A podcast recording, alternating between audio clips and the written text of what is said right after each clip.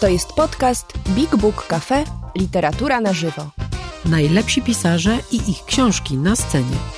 Ważne premiery, wyjątkowi goście, zaskakujące tematy. Rozmowy, spektakle i słuchowiska.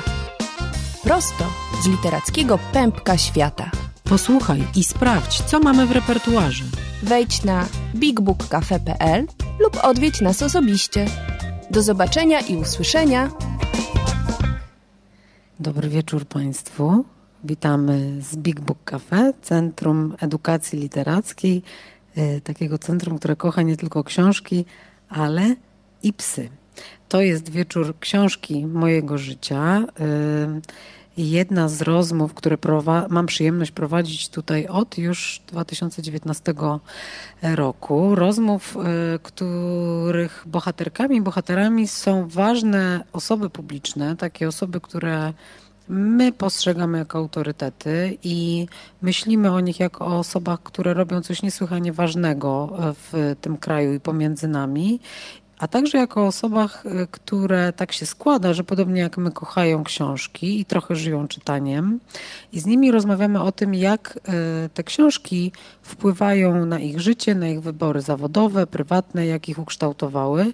I w tych opowieściach y, Szukamy dla siebie wzorców, ścieżek literackich i jakiejś trochę między wierszami ukrytej mądrości. A ze mną jest bohaterka dzisiejszego wieczoru, Renata Durda. Dobry wieczór. Dobry wieczór. Renato, ty jesteś przewodniczącą niebieskiej linii pogotowia, o którym chwilę na pewno pogadamy, a z tobą jest Watson, który się wygląda jakby się zawstydził, ale chyba się drapał w oko po prostu. To jest jego premiera taka publiczna premiera. i może być trochę stremowany. Nie wygląda, wiesz, powiem ci, nie wygląda. E, jest przepiękny i bardzo się cieszę, że z nami jest. Bardzo lubię, jak, jak psy też występują w tym, we wszystkich naszych spotkaniach. Już nie jeden tutaj na tej kanapie e, siadał, a o, jest coraz lepiej. Widzę, że już Watson się rozgościł. Mam nadzieję, że mm, Państwo, którzy nas oglądają i tu, i tam e, również. O różnych rzeczach w tym cyklu rozmawiamy, ale przede wszystkim o książkach które Renata wspaniale, będąc bardzo zdyscyplinowaną gościnią, e, e, przyniosła. Jak Państwo być może wiedzą, w tym cyklu pojawiają się różne postaci. Gościliśmy artystów, gościliśmy urzędników publicznych, księdza, prawnika, jednego polityka jak do tej pory tylko. Oni po prostu nie mają czasu na czytanie ja, ja, bym im tak łatwo nie odpuszczała, wiesz? E, w każdym razie ciągle zbieram e, oferty i propozycje i podpowiedzi, jakiego polityka mogłabym zaprosić, żeby było z nim o czym rozmawiać w kwestiach literackich. I pewnie wiele z tych osób Państwo dobrze znali, bo to są, to są postaci bardzo popularne. Z Renatą jest trochę inaczej, bo Renata jest bardzo ważna dla polskiego życia, ale nie wiem, jak dobrze jesteś osobą znaną, więc ja pozwolę sobie trochę introdukcji zrobić. E, szefujesz, kierujesz pogotowiem dla ofiar e, przemocy w rodzinie Niebieska Linia i e, to pogotowie działa przy Instytucie Psychologii Zdrowia Polskiego Towarzystwa Psychologicznego. Psychologicznego. Dobra. I teraz y, chciałabym Cię zapytać, czym w zasadzie Właściwie formalnie, formalnie organizacyjnie jest niebieska linia. Czy wy jesteście, nie wiem, zakładem medycznym, fundacją, stowarzyszeniem? Czy, czy niebieska linia jest takim bytem państwowym, niepaństwowym, przez kogo finansowanym? Bardzo mnie to ciekawi, bo to nie jest instytucja, którą łatwo sobie osadzić w wyobrażeniu innych placówek które w Polsce działają, bo to jest zbyt w ogóle chyba szczególny bardzo. Mhm. Wiele osób jest przekonanych, że Niebieska Linia jest e, instytucją państwową, podmiotem państwowym. E, po pierwsze dlatego, że mm, zajmuje się czymś, czym powinno zajmować się państwo, czyli ochroną osób krzywdzonych, e, pokrzywdzonych przemocą w rodzinie, a przecież jest to zadanie państwa no, wiele osób także uważa, że z powodu widoczności ogólnej e, no, to jest instytucja, za którą stoi potęga państwa.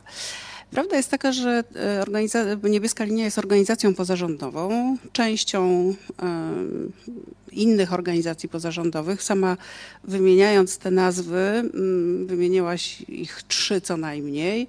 Czyli po pierwsze 120 lat temu powstało Polskie Towarzystwo Psychologiczne, które no, jest e, quasi samorządem zawodowym dla mm, psychologów w Polsce. Mówię quasi, bo prawdziwy samorząd powinien powstać i wtedy dopiero weszłaby w życie ustawa o zawodzie psychologa, która w Polsce wciąż jest martwym jeszcze bytem. E, w ramach Polskiego Towarzystwa Psychologicznego w latach 80. E, psycholog, e, potem także profesor akademicki, profesor Jerzy Melibruda powołał do życia Instytut Psychologii Zdrowia i Trzeźwości ten instytut zajmował się badaniem um, ówczesnego lecznictwa odwykowego w Polsce, ponieważ w latach 70., 80. problem alkoholizmu w Polsce był ogromnym problemem.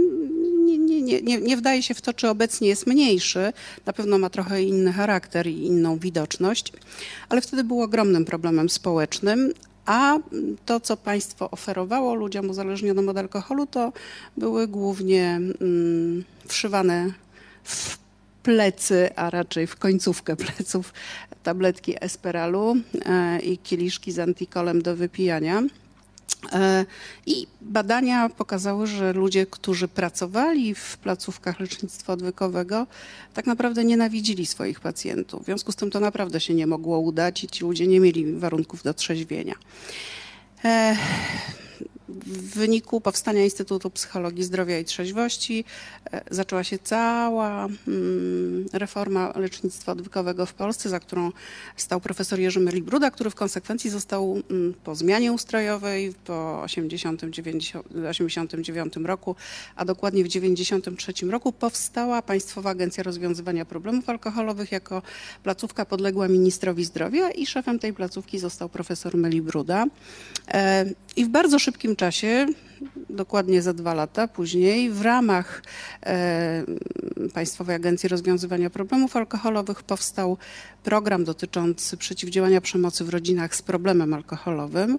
E, no i do obsługi tego programu zostało powołane Ogólnopolskie Pogotowie dla Ofiar Przemocy w Rodzinie. Był to 95 rok. E, to był twór, który działał jakby na zlecenie Parpy z, pod agidą i wymyślony w ogóle przez profesora Meli Brudę. A potem strukturalnie został przeniesiony do Instytutu Psychologii Zdrowia i w tej strukturze do dziś działamy. Jesteśmy taką babą w babie, czyli jesteśmy częścią Instytutu Psychologii Zdrowia, który jest częścią Polskiego Towarzystwa Psychologicznego. Trudność zawsze polegała na tym, że przez te 27 lat, od kiedy istnieje Niebieska Linia, jako organizacja pozarządowa zawsze się borykaliśmy z problemami finansowymi, zawsze byliśmy tą organizacją, która, na którą albo mm, brakuje środków, choć jest bardzo pożądana, e, albo też nie jest pożądana i w związku z tym także brakuje na nią środków. A czy wy wszyscy w Niebieskiej Linii jesteście psychologami? E, w niebieskiej linii pracują głównie mm, osoby, które mm, mają wykształcenie psychologiczne bądź terapeutyczne w różnych szkołach terapeutycznych, ale też prawnicy, bo problem przemocy jest także problemem łamania praw człowieka po prostu. No, trochę osób z wykształceniem pedagogicznym, socjologicznym e, i ja jestem takim ewenementem, bo moje wykształcenie bazowe to jest e, dziennikarstwo, więc Także i dla takich osób jest tam miejsce. I w związku z tym jesteś też e, redaktor naczelną magazynu, prawda? Wydawanym. Tak, od 98 roku wydajemy dwumiesięcznik o nazwie jak żeby innej, jak Niebieska Linia, który jest poświęcony problematyce przemocy interpersonalnej, czyli nie tylko przemocy e, domowej, ale też przemocy rówieśniczej, przemocy wobec grup e, różnych e, mniejszościowych, mówiąc bardzo ogólnie, czyli wszędzie tam, gdzie nie chodzi o konflikt zbrojny między państwami, a chodzi o konflikt, który się dzieje między ludźmi. W związku z tym w pewnym sensie w ostatnich latach także zajmujemy się problemami grup uchodźczych. A Gdzie można znaleźć niebieską linię, żeby ją sobie poczytać? W internecie na stronie niebieskalinia.pl macie Państwo zakładkę z napisem czasopismo i tam zachęcam do czytania. Mhm. Można też oczywiście, e, jeśli ktoś lubi papierową wersję, tak jak ja, papierowe wersje mhm. różnych wydawnictw lubię, to można ją też oczywiście w prenumeracie czy w pojedynczych egzemplarzach po prostu kupić. O, i kupić. Można i można wspierać też niebieską linię, prawda? Nie ma zakazu darowizn, e, więc A nawet zapraszamy. są mile pożądane. Także korzystając z tej okazji skierujemy Państwa uwagę na stronę niebieskiej e, e, linii. Ty też piszesz, prawda? Du dużo zawodowych y, publikacji. Staram się, a mam taką nadzieję, że będę pisać więcej, bo mm, zamierzam od przyszłego roku już porzucić swoje administracyjne funkcje i więcej czasu przeznaczyć na podsumowywanie różnych mhm. doświadczeń e, zawodowych. A skoro o tych administracyjnych funkcjach, to jeszcze jedno pytanie. Czy niebieska linia to jest duży byt? Ilu was tam pracuje specjalistów? Wszystko zależy od tego, e, ile projektów i na jakie kwoty udaje się realizować.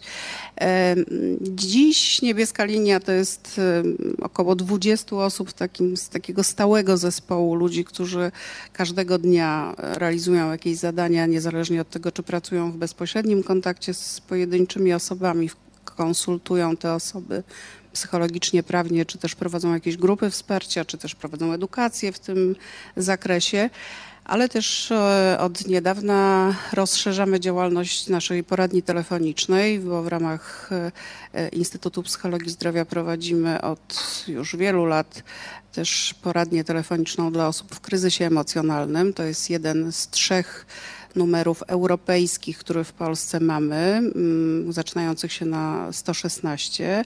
To są numery, z którymi połączenia są bezpłatne. Mamy taki numer, który pewnie większość z Państwa zna, funkcjonujący doskonale w ramach e, działalności Fundacji Dajemy Dzieciom Siłę, czyli telefon dla dzieci i młodzieży 116-111. Mm, e, jest telefon w sprawie dzieci zaginionych, który prowadzi Fundacja Itaka 116-00 i jest wreszcie numer telefonu 116 123, który prowadzimy my, który jest dedykowany osobom dorosłym w kryzysie emocjonalnym.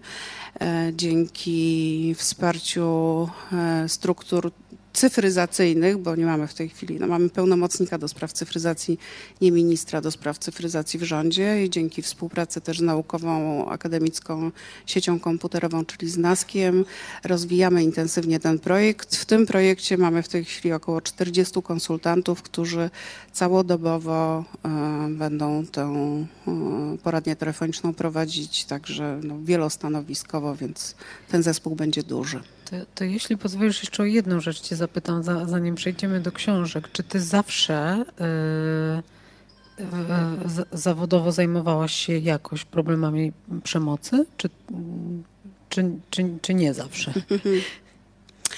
Tak, kiedyś mi się marzyło, że się tym nie będę zajmować.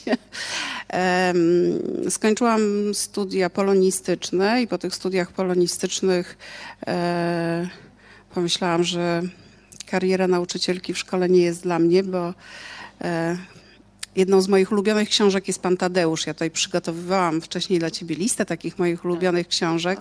Moja przyjaciółka licealna na nią spojrzała powiedziała, co? Pan Tadeusz? Chyba żartujesz. No ja powiedziałam, uwielbiam, jestem po prostu zakochana w Panu Tadeuszu, od kiedy po raz pierwszy go przeczytałam, siedząc na schodkach domku babci w czasie wakacji, wcale nie dlatego, że był lekturą szkolną. E, ale kiedy pomyślałam sobie, że ja tak corocznie będę tych biednych nastolatków dręczyć pytaniami, co autor miał na myśli i dlaczego pan Tadeusz trzynastozgłoskowcem jest pisany, no to pomyślałam sobie, że to będzie straszna historia. Stąd był ten wybór dziennikarstwa, bo tu wydawało mi się, że praca będzie każdego dnia inna. I po skończeniu studiów e, dziennikarskich rozpoczęłam swoją roczną karierę w e, tygodniku na przełaj w dziale reportażu, w którym wspólnie e, ze wspaniałymi polskimi reportażystami obecnie, czyli z Wojtkiem Tochmanem i Mariuszem Szczygłem, oddawaliśmy się młodzieżowemu pisaniu o e, różnych problemach świata tego, a był to rok 88, a potem 89. No i przyszedł rok 89. Na przełaj powoli przestawał istnieć, bo przychodziły zmiany systemowe, a na przełaj był pismem harcerskim po prostu. E, tam się zmieniały różne struktury i nagle się okazało, że mm, dziennikarstwo w Polsce jest e, zawodem politycznym, a ja nie chcę się zajmować polityką i nie bardzo się na niej rozumiem. Ale też przez ten rok e, pracy w dziale reportażu mm, odkryłam, że wszyscy bohaterowie moich reportaży po tym roku wciąż są ze mną. Są w takiej postaci, E, w której hmm, ludzie, o których się pisze, rzadko kiedy potrzebują tego, żebyśmy o nich pisali. Oni potrzebują pomocy w swojej trudnej sytuacji, bo najciekawszy reportaż jest o człowieku, który jest w trudnej sytuacji. E, no ale ten człowiek nie przestaje być w trudnej sytuacji tylko dlatego, że napisaliśmy o nim reportaż. E, a jeśli ja jadę gdzieś do jakiejś małej miejscowości w Polsce i jestem tą y, dziennikarką z Warszawy, to ludzie są przekonani, że spotkanie ze mną zmieni ich życie na lepsze. A ja nie potrafiłam jakoś wytłumaczyć tym ludziom, że właściwie moja rola się kończy w momencie, kiedy napiszę ten tekst. No i wciąż ci ludzie do mnie dzwonili, pytali mnie o różne rzeczy, prosili mnie o pomoc w różnych sytuacjach. I pomyślałam sobie, to jest właściwie misja mojego życia, żeby tym ludziom pomagać, ale ja nie mogę tego robić jako dziennikarz.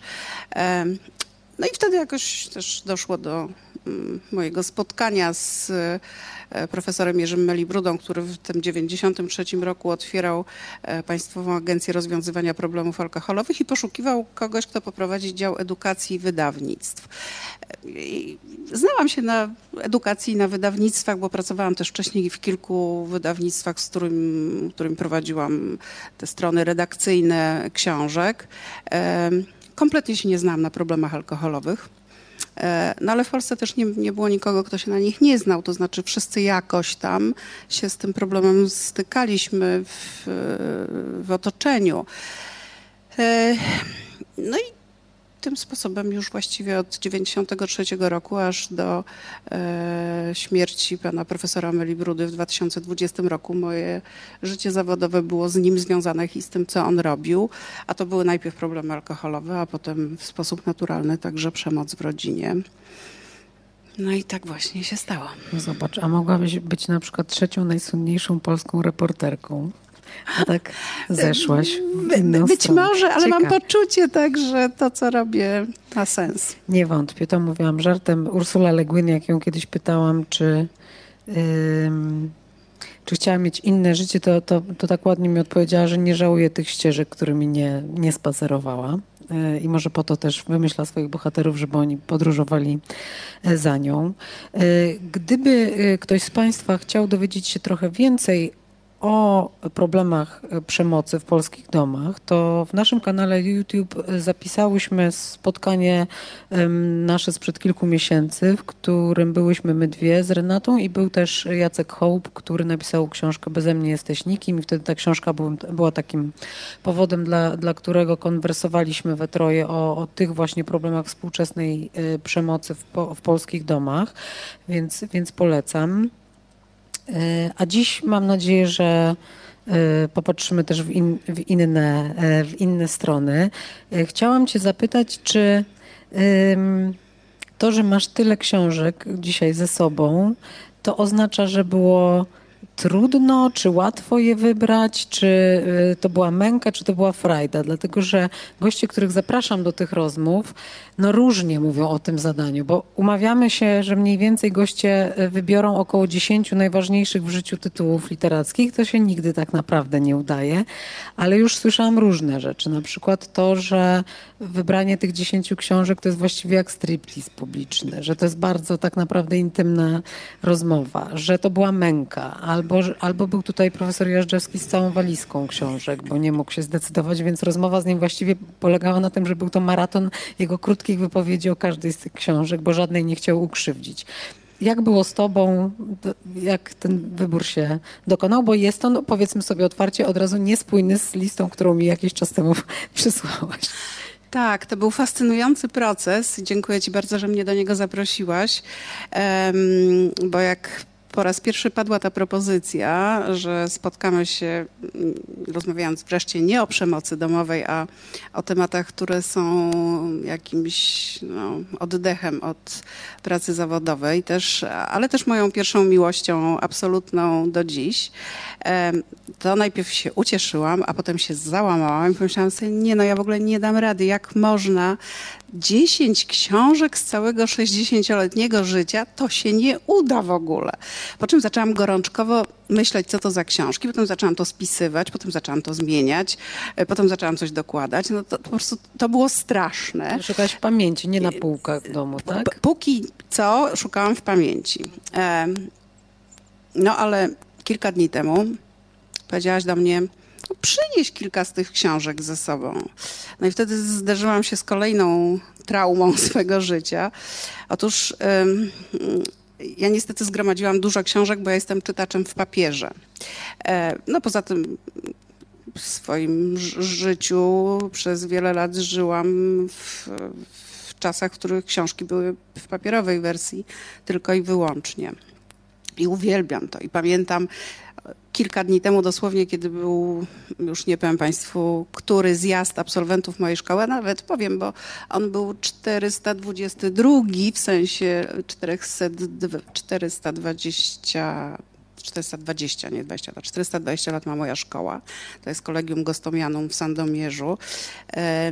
I przechodząc barwnym korowodem absolwentów naszej szkoły przez Sandomierz, przechodziliśmy też koło kamienicy, w, których kiedyś była, w której kiedyś była księgarnia w Sandomierzu. Obecnie jest tam restauracja, bo jak się Państwo domyślacie, Sandomierz żyje z turystów, więc raczej ale nie księgarnię. E, tak, ma kilka świetnych księgarni, Chodzę ale już e, nie na rynku, bo rynek e, jest w celach turystycznych.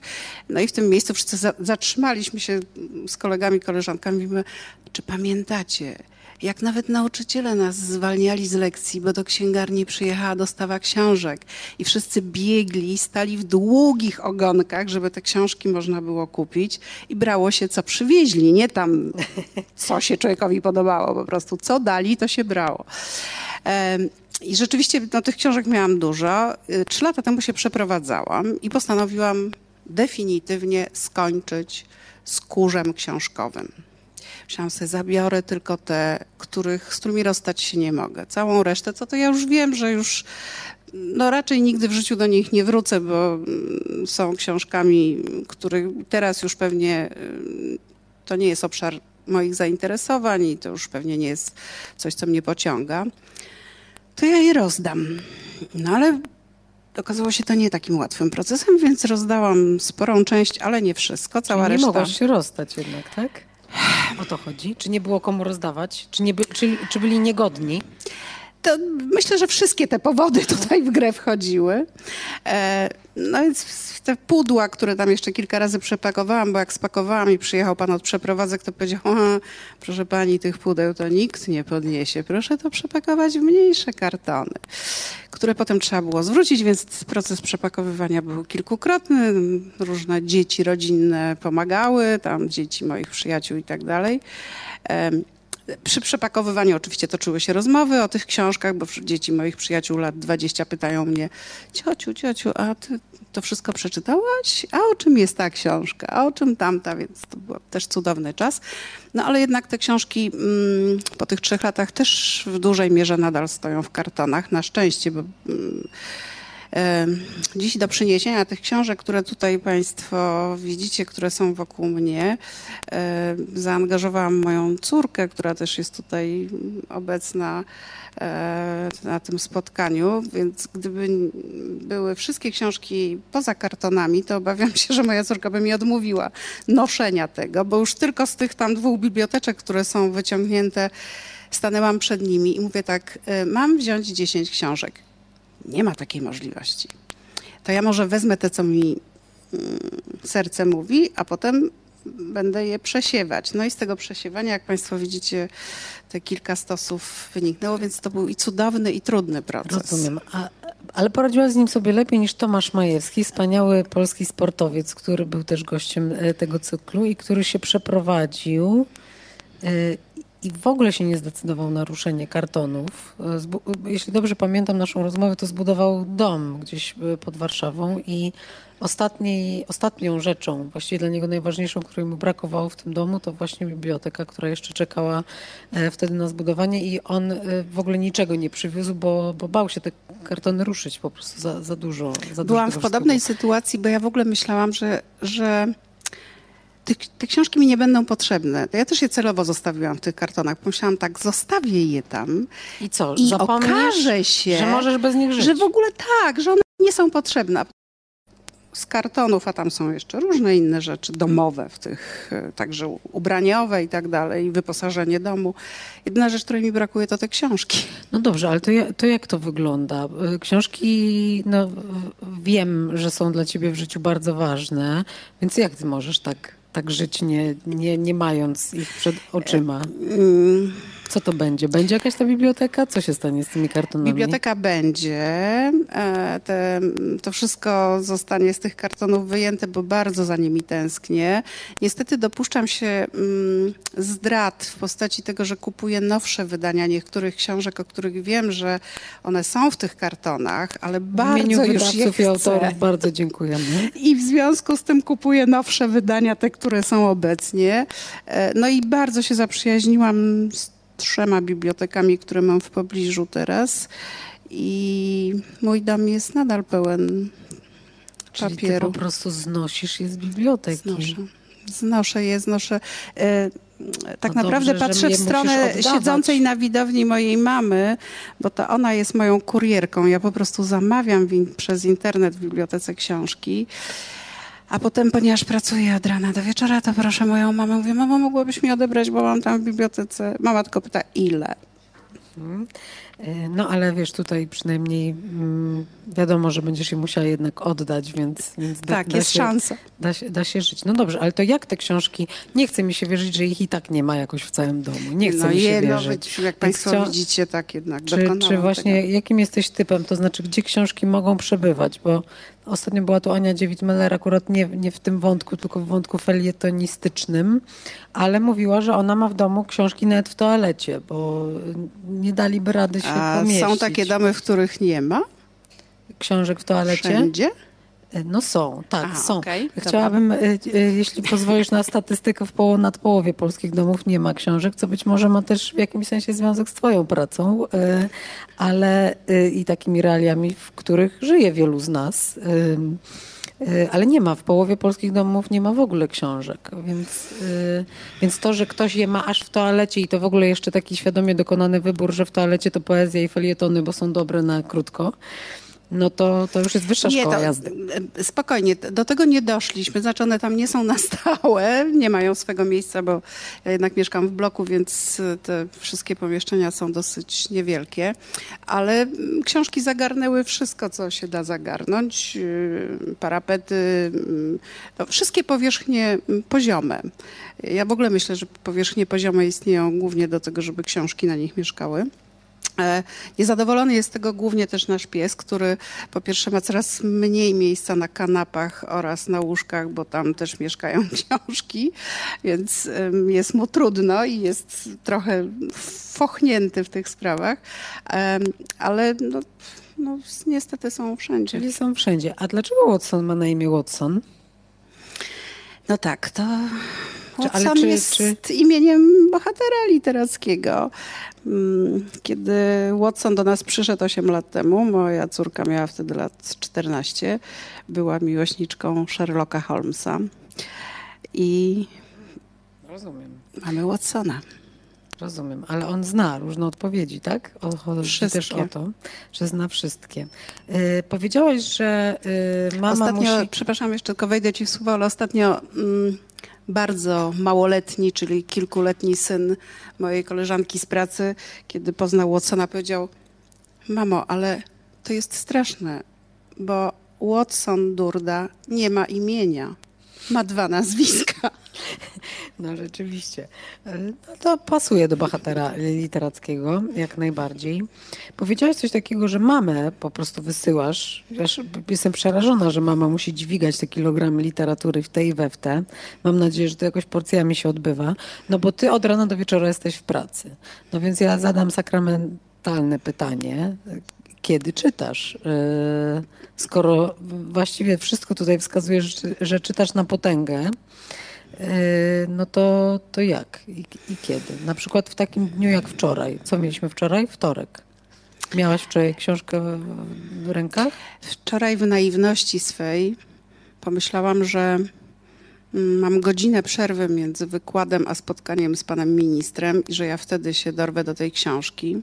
Rzeczywistość y, zagarnęła tą godzinę oczywiście i do tej książki nie zajrzałam, ale kiedy wparowałam do e, sekretariatu ministerstwa, pani sekretarka spojrzała na mnie i na moją torbę, w której poza tą książką były jeszcze inne książki oczywiście i papiery i powiedziała, ja też tak chodzę i też mam nadzieję, że będę czytać. I czasami mi się udaje. A jak pani wyjeżdża na urlop? I tu się zaczęła E, oczywiście cudowna rozmowa o tym, jak to czytacze wyjeżdżają na urlopy, czy zabierają ze sobą czytniki, czy pół bagażnika książek, no i jak to właśnie wygląda. Więc e, tak, wczoraj też miałam ze sobą trans i pół baby, bo akurat jestem... Świetna rzecz. Fantastyczna, dlatego nie mogłam zostawić jej w domu, wychodząc z domu. Czytam wtedy, kiedy jest tak zwany międzyczas, czyli w każdej chwili. A poza tym ja odpoczywam, odpoczywam przy czytaniu. Zajmuje mi to tą część głowy, która e, mm, no, powinna się zająć czymś przyjemnym po to, żeby ta część głowy, która zajmuje się trudnymi rzeczami, mogła się tam porządkować odpowiednio i układać. E, czytam na wakacjach, czytam e, w każdej chwili, w której e, jestem w pociągu, w autobusie i w różnych innych miejscach. To się, to się samo czyta. W ogóle nie wiem, takie pytanie, kiedy się samo czyta? Się samo czyta. się czyta. Ale jednak zapytam cię o to, dlatego że wiesz, żyjemy w takich czasach, w których no właśnie, albo umiemy te chwile, te drobne momenty, te przecinki takie codzienności wykorzystać na, na bycie w książce i w opowieści, albo nie. I żyjemy w czasach, które nam bardzo utrudniają skupianie się i przenoszenie do, e, do, do tych właśnie historii e, pisanych. I zastanawiam się, czy wciąż czujesz, że potrafisz zniknąć w książce, nawet jeżeli to jest ta godzina, która czasami się zmienia w kwadrans, prawda, gdzieś tam e, przejeżdżania, oczekiwania, to czy ty naprawdę, no nie wiem, bierzesz, bierzesz książkę, jesteś w stanie ją tak sobie po kawałeczkach daw, dawkować, yy, gdzie tylko się da i no być tam e, w, w, skupieniu, z całą swoją wrażliwością, czy to po prostu jest jakieś takie kliknięcie w twojej głowie i ty potrafisz przejść tam, gdzie, gdzie cię autor zabiera? Ja mam takie przekonanie, że serce i głowa miłośnika książek um, ma tyle półek, ile jest książek, które kocha. W tym sensie, że są. Znaczy, ja niestety czytam um, bardzo szeroko, to znaczy. E, mój dom jest pełen książek, które są w różnym procesie czytania. E, rzadko kiedy czytam jedną książkę mm, w tym czasie. W tym samym czasie zwykle czytam kilka, nawet kilkanaście książek równolegle, bo one trochę zależą od tego, w jakim jestem nastroju, akurat do czego, co mnie zawoła w tym momencie, która z tych książek e, jest e, na ten nastrój. Czasami bywa tak, że jeśli odłożę książkę na bardzo długo, no to wracam do niej. Tak mi się zdarzyło e, z mm, nową książką naszej noblistki, że zaczęłam ją czytać, potem ją odłożyłam, bo no, inne rzeczy mnie zawołały. I żeby do niej wrócić, musiałam ją zacząć czytać jeszcze raz i to było cudowne doświadczenie, bo stało się to w ciągu, nie wiem, tam trzech miesięcy. E, I nagle się okazało, że ja czytam inną książkę w ogóle. Że nagle wchodzę w zupełnie inne mm, fragmenty tej książki, książki głębiej myślą i widzę inne sceny niż widziałam przy tym pierwszym czytaniu. E, tak, potrafię tak wejść w książkę, że nie ma świata, koło mnie jest ten świat e, książkowy. E, Dziś mnie nawet ktoś zapytał o to, czy mm, jest tak, że wyobraźnia się może uruchamiać. Ja mówię, to jest główna zaleta książki, że właśnie one uruchamiają wyobraźnię. Ja na, dlatego często nie lubię ekranizacji różnych książek, bo one, zwłaszcza książek fantazy czy z fantastyki, bo one zamykają moje ścieżki wyobraźni, bo one po prostu już pokazują jakiegoś bohatera, którego jakoś sobie wyobrażałam, a teraz czy jak, uniwersum, jakiś świat, który e, ja sobie tworzyłam na podstawie opisu, a nagle on po prostu jest namacalny i wizualny i to jest e, czasami rozczarowujące po prostu. Więc czy, czytam bardzo tak nierówno, ale z dużą zachłannością. E, A też czytam czasami, mm, co się okazuje być fajnym wyzwaniem, mm, na polecenie. Mm, Jeszcze nigdy ci tego nie mówiłam, ale e, my obok e, istniejącego Big Book Cafe mamy też Book Club, e, który składa się z moich kolegów i koleżanek z roku, z polonistyki. Okazało się, że... Bo właśnie mnie intrygowało, co to znaczy na polecenie, ale zaczynam rozumieć. Tak. Okazało się, że mm, część e, z osób, z którymi studiowałam wspólnie na polonistyce w Lublinie, no, jest teraz mieszkańcami Warszawy. Jedna z naszych koleżanek, zresztą dziennikarka Gazety Wyborczej, Alicja Dąbrowska, dziękuję Ci Alicja za tę inicjatywę, mówi słuchaj, zacznijmy się spotykać e, i rozmawiać o książkach, bo przecież kiedyś tą polonistykę studiowaliśmy głównie dlatego, że mm, chcieliśmy czytać książki. No a teraz ktoś pracuje jako dziennikarz, ktoś jest jakimś HR-owcem, ktoś zajmuje się przemocą w rodzinie, ktoś uczy w szkole, co też nie jest mm, rzeczą, która jakby obliguje człowieka do czytania takiego nowej literatury pojawiającej się światowej. I spotykamy się, tak, spotykamy się dosyć regularnie, przynajmniej Jaki kilka razy rytm, Jakie są zasady? Każdy klub ma jakieś reguły. Zasada Chcę jest taka, że jest strasznie prezeską. zazdroszczę, bo robię w książkach, a nie jestem w żadnym klubie książkowym. Straszne, Straszne. Musisz sobie wybrać jakąś, e, jak, jakąś grupę ludzi, z którymi Ja bym chcesz chciała, gadać. żeby mnie ktoś zaprosił, bo ja już Okej. tak dużo robię, wiesz, w tych, tych sprawach, to, to bym wolała Czy- już tak po prostu w, czy- czy go- dasz się go- na zaprosić? gościnne występy kiedyś w, w jakiejś Czy dasz się rozmowie. zaprosić do naszego book Ale ja, nie- ja nie dam rady z polonistami, wy jesteście zbyt zaawansowani, ja bym się wstydziła. Ale powiedz, jakie, jakie macie reguły, jakie są... Y, Zasada Jaki jest taka, że jest Może ktoś prezeska, czyli podchwyci. Alicja, która co pewien czas O, przywołuje nas do porządku A, szapoba. i mówi tak, nie widzieliśmy się już kwartał. Najwyższa pora, spotykamy się i usiłuje... Mm, i usiłuje zgrać nasze kalendarze. I to jest najtrudniejszy moment, Jasne. ponieważ wszyscy są w dzisiejszych czasach mega zajętymi ludźmi. Nie wszyscy też mieszkają w Warszawie, bo się jednak tam po tych 10 lat, po 10 latach, jak istnieje nasz book club, e, różne osoby w różnych miejscach, więc jeszcze trzeba się zjechać do tej Warszawy i tak dalej. Najbliższe spotkanie w najbliższą niedzielę. Stąd między innymi moje wow, czytanie. a gdzie się spotkacie w niedzielę? E, sp- Spotykamy się zawsze u kogoś. Ktoś jest gospodarzem Czyli po jest- prostu. są peregrinacje tak, tak, pomiędzy po różnych miastami, czy domach. do- po, i po, te, oczywiście A. także pomiędzy miastami. bo to jeszcze o takiej inicjatywie E, nie słyszałam. Jeśli książka dotyczy wydarzenia kulturalnego, to odbywa się też wydarzenie kulturalne, czyli oglądanie wystawy, jeśli to jest na przykład Tamara Łępicka, albo oglądanie naszej klasy, jeśli to jest czytanie Słobodzianka naszej klasy.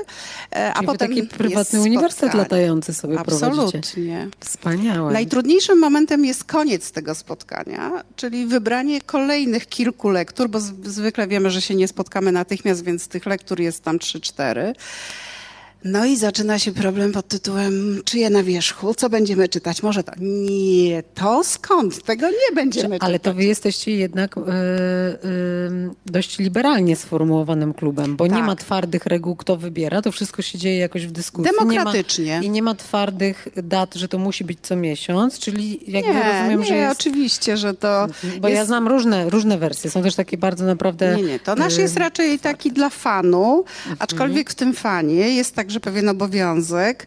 E, ja na przykład ostatnio bardzo czekałam na to, żeby mi tam gdzieś dostarczono e, wiersze e, noblistki pani Glick, której właśnie tomik poezji teraz będziemy też omawiać i wciąż jej nie miałam i się denerwowałam, że to już za chwilę się spotykamy, ja jeszcze nie przeczytałam.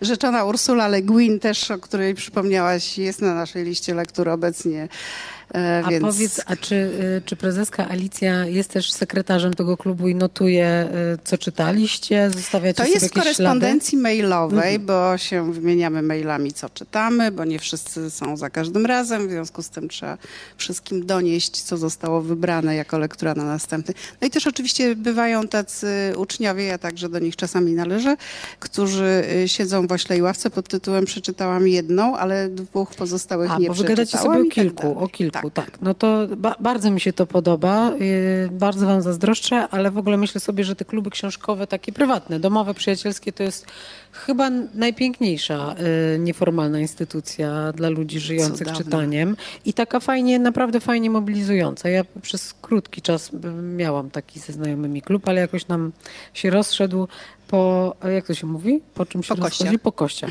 Yy, bardzo dziękuję komuś, kto nas ogląda i zadał proste pytanie, którego ja jeszcze nie zdążyłam zadać, bo już się z tobą zagadałam. Czyli jaką pierwszą książkę w życiu przeczytałaś? Hmm. A właściwie to pytanie jest inne. Jaka była pierwsza książka e, w twoim życiu? Czyli mogłaś jej nie czytać sama, może ktoś ci przeczytał. Albo ją zobaczyłaś. No, pierwszą i wciąż obecną książką w moim życiu jest, są oczywiście Dzieci z Bullerbyn. Czemu oczywiście? Bo znam setki osób, które tak samo odpowiadają na to pytanie. Naprawdę dzieci z Bullerbyn mają w Polsce, myślę, że być może też to jest kwestia pokoleniowa, że wtedy, kiedy, czyli kiedy ja zaczęłam czytać na mm, przełomie lat 60., 70., to no, nie było tak dużo literatury dla dzieci, która teraz jest. Ja tutaj w swoich e, różnych wyborach mam na przykład książkę, którą uwielbiam, która jest książką dla dzieci. To jest e, cała seria książek o pomponie, e, prudencji i całym rodzie e, pomponowym, czyli książka Joanny Olech, Pompon w rodzinie Fisiów jako pierwsza z tej serii. Ale ja tą książkę poznałam jako bardzo dorosła osoba. Czytam ją wspólnie z moją córką. Obydwie ją uwielbiamy. Całą tą serię mamy pompony. Czasami sobie przerzucamy się cytatami z książki, co śmieszniejszymi w odpowiednich kontekstach. E, no ale to są książki, które, których nie było w moim dzieciństwie po prostu.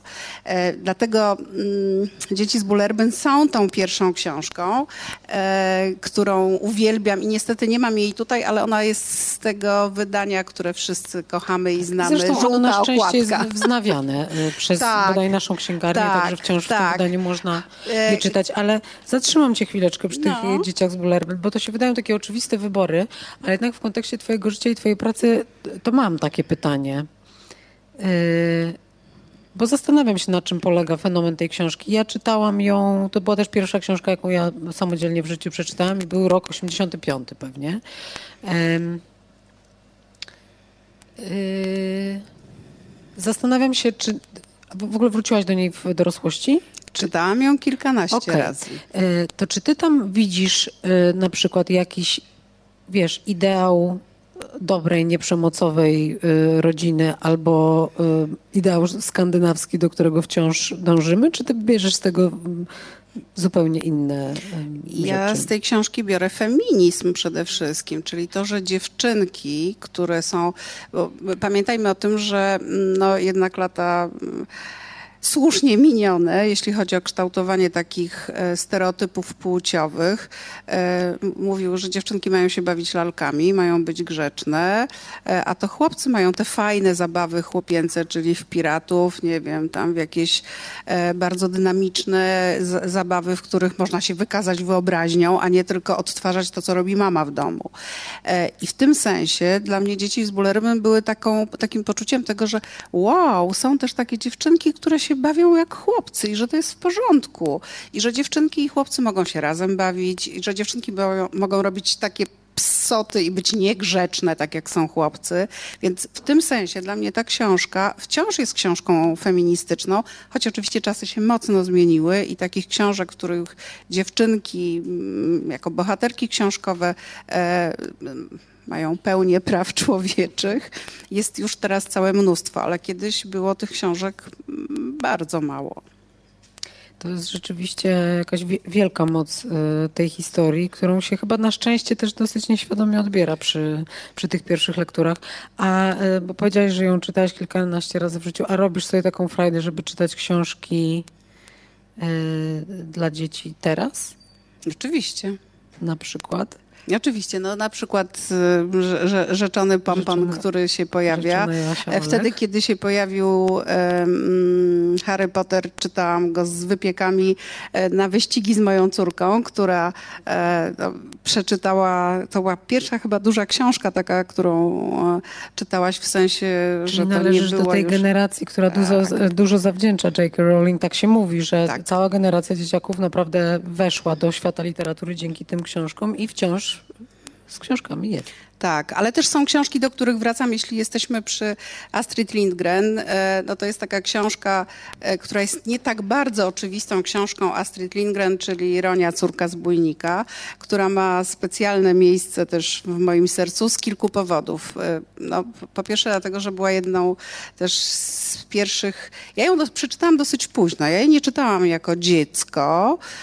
Czytałam już ją jako dorosła osoba, ale to, to jest książka, która jest jedną z ulubionych książek mojej córki, a też nie powiem nazwiska, bo nie mogę tego zdradzić. E, mam przyjaciela, który jest dziennikarzem. Ja też paru mam. Mm, który przeczytał jedną książkę w życiu.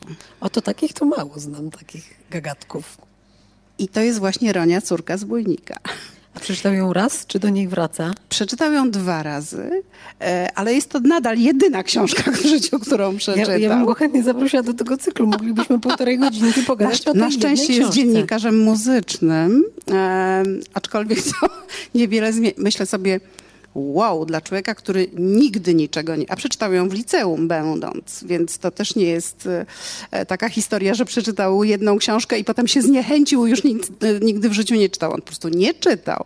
A w liceum przeczytał Ronię i powiedział, słuchaj, to jest fantastyczna książka. E, no, jest w niej moc. To ja sobie pozwolę na taką anegdotę trochę, trochę yy, osobistą, ale na Big Book Festiwalu ostatnim podeszła do mnie pani, która mi podziękowała za taką jedną książkę, którą ja napisałam. No ja się bardzo ucieszyłam, podziękowałam jej za komplement i powiedziała mi, że napisałam jeszcze kilka innych, więc byłoby super, gdyby do nich sięgnęła. Ona powiedziała, nie, nie, ja w ogóle nie przypadam za czytaniem, ale ta mi się podobała. I to mnie zachwyciło, tak, że można, tak. można przeczytać jedną i mieć dość na przykład w życiu. W ogóle moją ideą, ja mam taką ideę fix w tym cyklu, że chciałabym tutaj zaprosić kiedyś do rozmowy osobę, która w ogóle nie czyta i porozmawiać z nią o tym, jak to jest nie czytać. Nie wiem, jak to jest. No właśnie, naprawdę by mnie ciekawe. to, nawet naprawdę ciekawiłoby mnie doświadczenia świata bez, wiesz, bez tych liter, bez opowieści, tak. bez tych możliwości wchodzenia w inne perspektywy, w inne, inne życia. Nie wiem, jak to jest. Y no nie wiem jak to jest i nawet mnie to autentycznie e, ciekawi, co mówię, co mówię zupełnie serio. Tak, ale to też, ja też mówię zupełnie serio, że to jest bardzo ciekawe, w jaki sposób ludzie kompensują sobie to, co u ludzi czytających no, tak. się realizuje poprzez czytanie książki. W ogóle, jak, że, jak można, podobno można żyć też bez miłości. E, no więc to jest bardzo interesujące u, usłyszeć, jak to jest. Od Pawlikowskiej Jasnorzewskiej się już tego nie dowiemy, ale może Od właśnie. Niej już nie. Um, czy w dzieciństwie twoim było dużo miejsca na książki? Czy ty wyrosłaś w domu, w którym one były ważne? Czy jest ktoś, komu jesteś szczególnie wdzięczna za to, jak one dużo miejsca w twoim domu i życiu zajmują? Czy to jest z ciebie? E ja byłam dosyć samotnym dzieckiem, ponieważ jestem jedynym dzieckiem w rodzinie, jestem jedynaczką. E, w czasie, kiedy ja e, wchodziłam w świat liter, czyli szłam do szkoły, miałam 7 lat. E, mój tato uległ wypadkowi i dosyć długo też był nieobecny w domu, bo tam był rehabilitowany, leczony i tak dalej. Mama jak to mama pracowała. E, I w związku z tym ja byłam takim dzieckiem, które mm, musiało mieć swoją, swój świat wyobraźni, bo musiałam się czymś wchodzić z czymś w interakcję. Na szczęście w mieszkaniu obok mm, mieszkała mm, dwójka rodzeństwa, oczywiście z rodzicami. E, powiem tutaj, bo właśnie dokonałyśmy tydzień temu dosłownie spotkania po latach. E, byli to państwo Ziąberowie, którzy potem z Sandomierza, w którym mieszkaliśmy podówczas, przenieśli się do Buska, gdzie pan Ziąber był e, lekarzem w sanatorium wojskowym, ale mieli dwójkę dzieci. Starszego ode mnie o 6 lat Jacka to mnie nie interesowało. Starszy o 6 lat chłopiec, wtedy kiedy się ma lat 7, 8, e, to jest po prostu zupełnie inny świat. Ale była też Basia, starsza ode mnie o 3 lata, która trochę mi matkowała. E, była absolutną e, postacią z książki Ania z Zielonego Wzgórza, ponieważ była wysoka, szczupła i miała piękne, kręcone, rude włosy. W związku z tym ilekroć czytam Anię z Zielonego Wzgórza, a to też jest jedna z książek, które tu ze sobą przytachałam, tylekroć widzę po prostu Basię z tych tam jej 9, 10, 11 lat, to ona mnie uczyła czytać. Ich dom też był pełen książek. Z nią pokonywałam różne pierwsze właśnie lektury swoje i tam rysowanie jakichś e, obrazków z książek, które wtedy e, czytałam. E, no i ta Ania z Zielonego Wzgórza po prostu jest zawsze taką moją inspiracją i zawsze mi się kojarzy z tą starszą ode mnie o 3 lata dziewczynką, a taką przyjaźnią, jaką miała Ania Shirley z Dianą. To to ten świat cudownego dzieciństwa. A miałaś odwagę przeczytać N z Zielonych Szczytów w nowym tłumaczeniu Anny Bańkowskiej? Nie, nie. A ja ci bardzo polecam, bo ja to zrobiłam tak? i była to dzika rozkosz. E, naprawdę. E, bo jest to bardzo taki odświeżony, bliższy nam język, więc... Mhm. Więc ja miałam wielką frajdę i oczywiście cofnęłam się do tych wszystkich Y, opowieści, które tak naprawdę chyba się zna na pamięć, bo one tak głęboko przecież wtedy, wtedy wrastały. A później w życiu wybierałaś już książki sama? Ten, ten księgozbiór najważniejszych dla ciebie tytułów, ta biblioteka wewnętrzna jest, mm, masz poczucie taką przez ciebie wydeptaną zupełnie opowieścią, czy, czy, czy miałaś jakichś przewodników? Wiesz, że tutaj y, prowadząc te, te rozmowy z rozmaitymi osobami, no, na pewno dowiedziałam się jednego, że nie ma dwóch takich samych bibliotek y, i nie ma dwóch takich samych biografii y, czytelniczych. I każdy, każdy z nas jakoś podąża tymi ścieżkami inaczej i też naprawdę miałam tutaj i takich gości, którzy są zupełnymi Zosiami, Samosiami w tym względzie i takich, którzy mają, myślę, wielkie długi wdzięczności wobec bardzo wielu y, y, osób. Zastanawiam się, jak, jak to mhm. z tobą. E, ja w swoim rodzinnym Sandomierzu miałam szczęście do wspaniałych nauczycielek języka polskiego. E, w podstawówce moją wychowawczynią i nauczycielką języka polskiego była e, pani Alicja Łata, która no właśnie, po pierwsze trochę wyglądała też jak w mojej wyobraźni Ania z Zielonego Wzgórza, kiedy już była Anią z Szumiących Topoli i no, była wysoką, piękną blondynką. Bardzo mi się podobała i w ogóle byłam zauroczona jej sposobem ubierania się, w ogóle no, wszystkim, co, co sobą reprezentowała. I wszystko, co mówiła, było dla mnie bardzo ważne. E, a ona też mocno nas wprowadzała i w świat teatru, i w świat książek.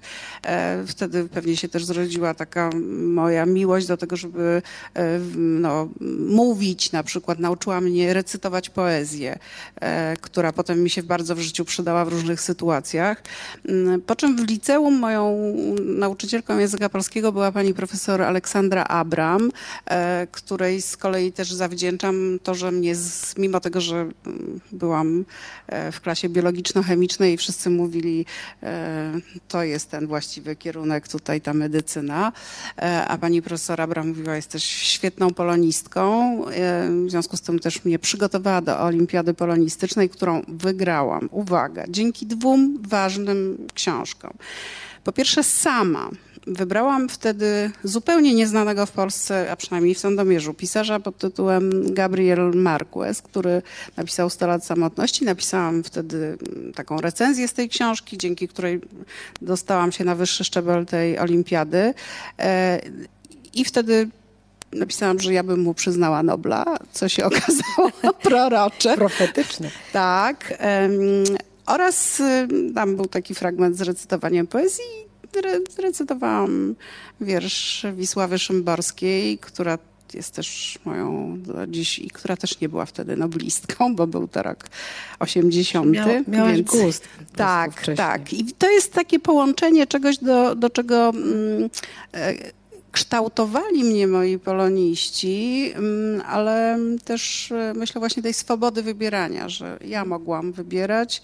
Ktoś mi mówił, w jakim obszarze się poruszamy, ale jednak te wybory były moje i takie mam poczucie, że, że ja jednak jestem trochę samoosią w, w tym swoim podejściu, mimo Jesteś- tej polonistyki. Jesteś samosią, ale jednak no właściwie wyrastałaś w miejscu dosyć, delikatnie mówiąc, naznaczonym literaturą. O, tak. E, e, w- Wiem, że na twojej liście o i tu na twojej kanapie jest Jarosław Iwaszkiewicz, który Sandomierz kochał, uwiecznił w wielu różnych swoich zapiskach. Ma tam swój plac. Zawsze jak jeżdżę do Sandomierza, to staję na, na tle tej różowej ściany pod tablicą kamienną Plac Iwaszkiewicza. Robię tam sobie zdjęcie tak, i będę tak robiła do późnej starości. Sprawdzę, jak się zmieniałem z czasem. Taki mam, taki mam plan. No i oczywiście y, mieszkanie w Sandomierzu z twoim starszym kolegą z liceum Wiesławem Myśliwskim bez wątpienia też miało znaczenie.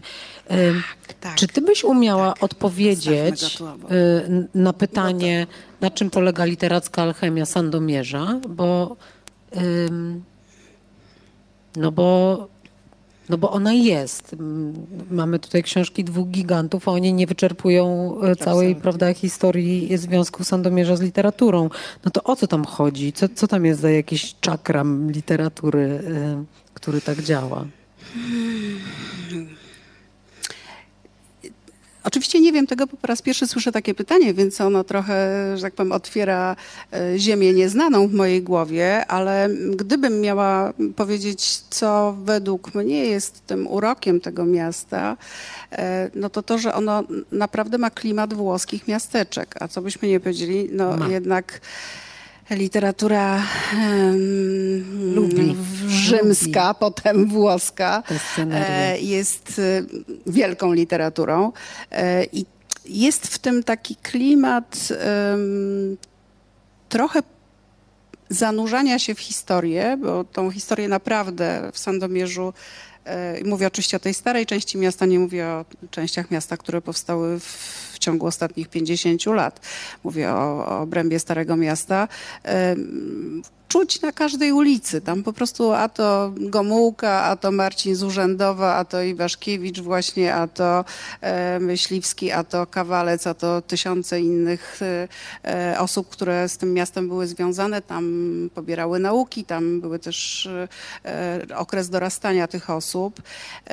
Ta architektura, która tam no, jest e, naprawdę niesłychanie inspirująca i piękna i zadbana w ciągu ostatnich lat, E, ale też Sandomierz ma piękne otoczenie. Sandomierz ma i sady, i winnice, jest naprawdę takim włoskim krajobrazem, a też góry pieprzowe ze swoją e, wielką tradycją. E, Ma też e, tradycje takie też co byśmy o tym nie, nie powiedzieli, Sandomierz jest mocno e, osadzony w różnych kościelnych strukturach. Jest siedzibą diecezji, e, w związku z tym mamy Pałac Biskupi, ale też jest bardzo wiele kościołów starych i z, z dużymi tradycjami. Są różne zakony, które tam e, miały swoją siedzibę, poczynając od zakonu dominikanów. To też były skarbnice starych ksiąg, e, myśli i ducha takiego humanistycznego.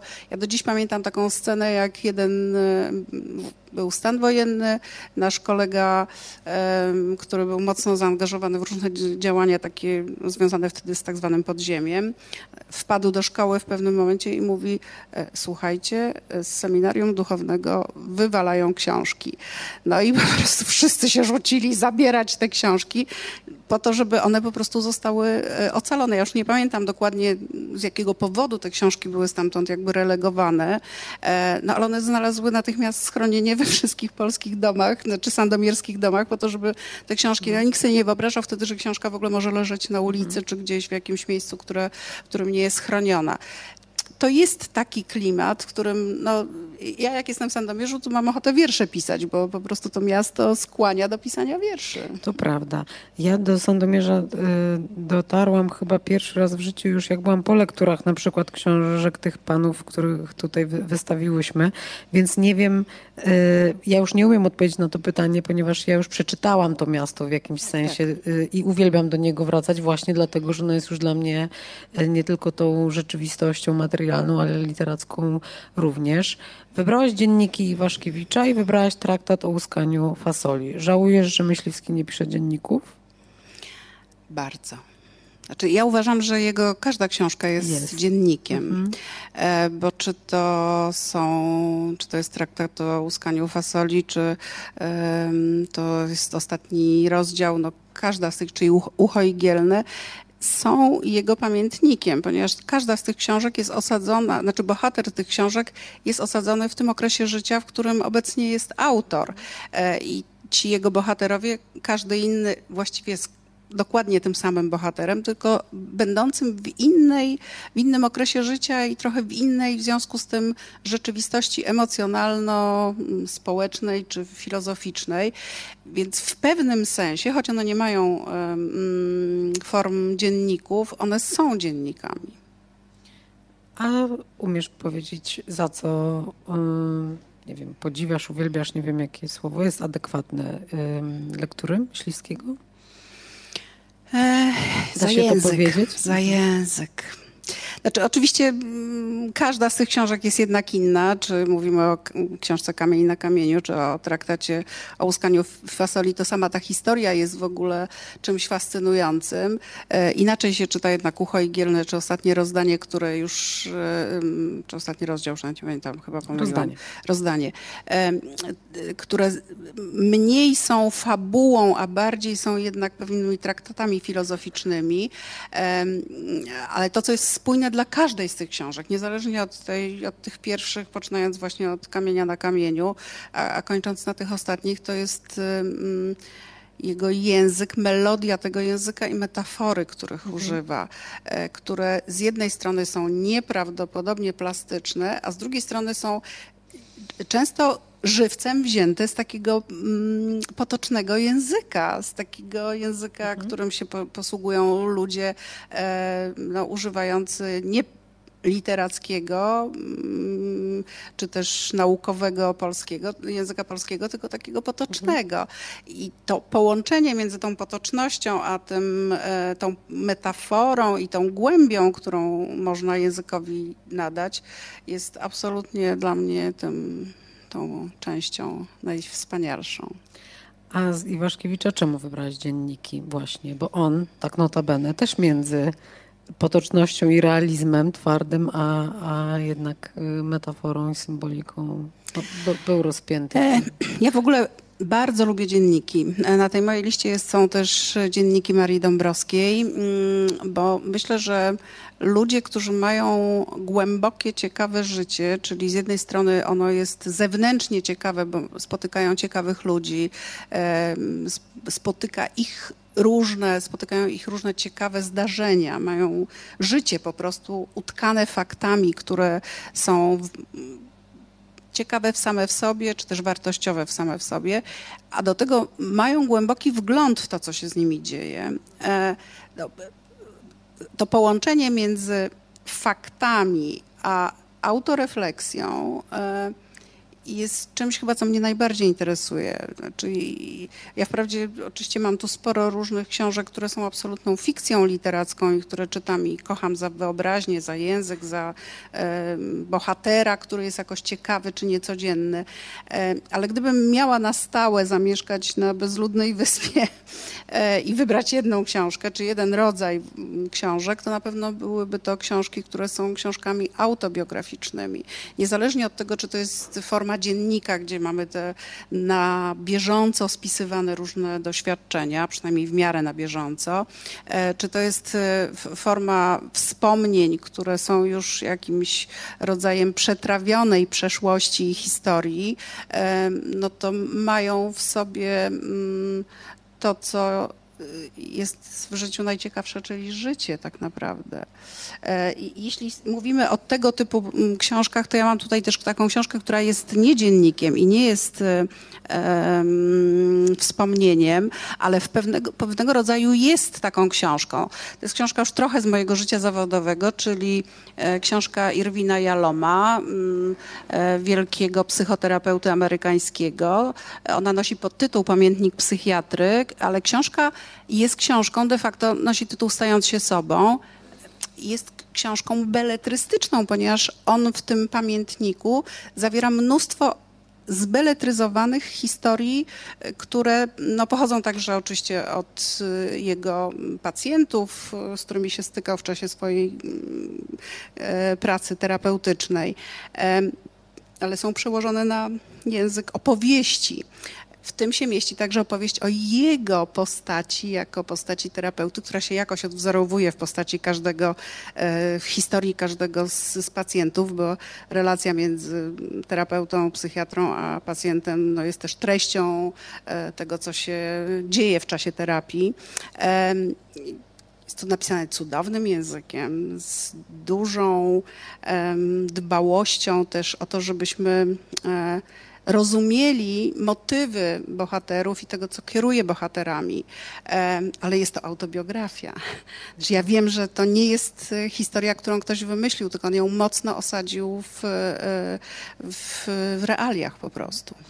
E, pomyślałam o tym, czego nie ma na Twojej liście, co wydaje się też ciekawe w kontekście e, tego, jak mówiłaś o początku swojego życia zawodowego, bo właściwie na tej liście chyba nie ma reportaży tak twardo rozumianych. To jest tak, że za dużo jest e, twardej rzeczywistości w twoim życiu, żeby jeszcze o niej czytać, czy myślisz, że z jakiegoś innego powodu nie ma tam no takiego reportażu klasycznie bardzo rozumianego? Strasznie trudne pytanie mi zadałaś, bo to jest to pytanie, Pardon. przy którym albo trzeba e, wybrnąć z niego elegancko, albo trzeba e, zrobić Nie, striptease. No, bądź szczera po prostu. Myślę, że no tak dobrze. będzie najlepiej. A. Z reportażem jest tak, że on się mieści w gatunku tej powieści, znaczy tej literatury, o której mówię, czyli literatury faktu. Czy to jest dziennik, czy to jest pamiętnik, czy to jest autobiografia, czy to jest reportaż, to on jest o prawdziwej historii, o prawdziwych bohaterach, nawet jeśli tym bohaterem nie jest autor e, książki. E, tyle tylko, że mm, hmm, jak to powiedzieć elegancko? E, gorzej się czyta książki, których trochę mm, przepis na napisanie książki się zna. E, bo jak czytam książkę i ja nie roz... Znaczy nigdy się nie uczyłam tego, jak się konstruuje książkę beletrystyczną, czy jak się pisze wiersze. Nie widzisz można... Fiszbin tak. wtedy, tak? W sukience a z, tak, a z, z reportażem jest tak, że sama go kiedyś uprawiałam, wprawdzie nie za długo, ale jednak i w związku z tym trochę rozumiem, mm, jak się go robi. Mój w związku z tym standard dotyczący reportaży jest dosyć wysoki. Albo jest tak, że e, czytam i sobie myślę, no nie, no po prostu nie, no. trochę zmarnowany temat. Mhm. Albo czytam i myślę sobie, Nienawidzę tego autora, bo ja bym chciała napisać taką, taką książkę, książkę, po prostu. Czyli za, Tę za blisko to jest skóry, napisać. żebyś mogła czytać w sumie takie książki z Dokładnie. satysfakcją. Znaczy, ja czytam je z satysfakcją, ale czytam je też z zazdrością. Okay. Z większą zazdrością niż czytam te książki, do których bym nigdy nie aspirowała. E, I ta zazdrość powodowała, że ja myślałam o tym, że tam poczynając od, nie wiem, od Kapuścińskiego przez Hannę Kral, a także Mariusza Szczygła, którego książki wszystkie czytam, Wojtka Tochmana, o którym tu, tu wspominałam. E, ale to już byłoby wydzieranie sobie serca, bo każda z tych książek jest taką książką, która budzi trochę moją zazdrość, że ja Rozumiem. też bym tak chciała. To jest, ja uważam, to jest perfekcyjnie zrozumiałe wyjaśnienie nieobecności reportażu w twoim stosiku e, życiowym. E, przyjmuję i rozumiem. A zupełnie zmieniając ton, chciałam Ci prze, prze, przeczytać, przedstawić pytanie od, od Wicki lub Widza. Jaka książka przynosi Ci radość i ukojenie?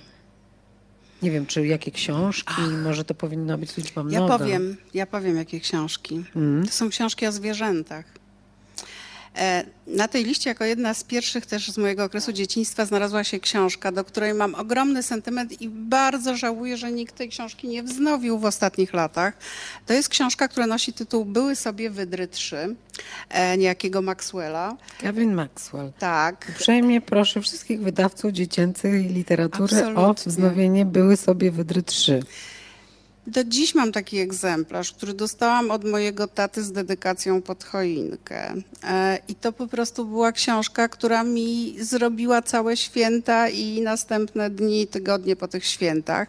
To jest opowieść e, o prawdziwym spotkaniu z trzema wydrami tego pana, bo ten pan jest człowiekiem, który zajmuje się zwierzętami, który napisał książkę o trzech prawdziwych, realnie żyjących bohaterkach, które są wydrami.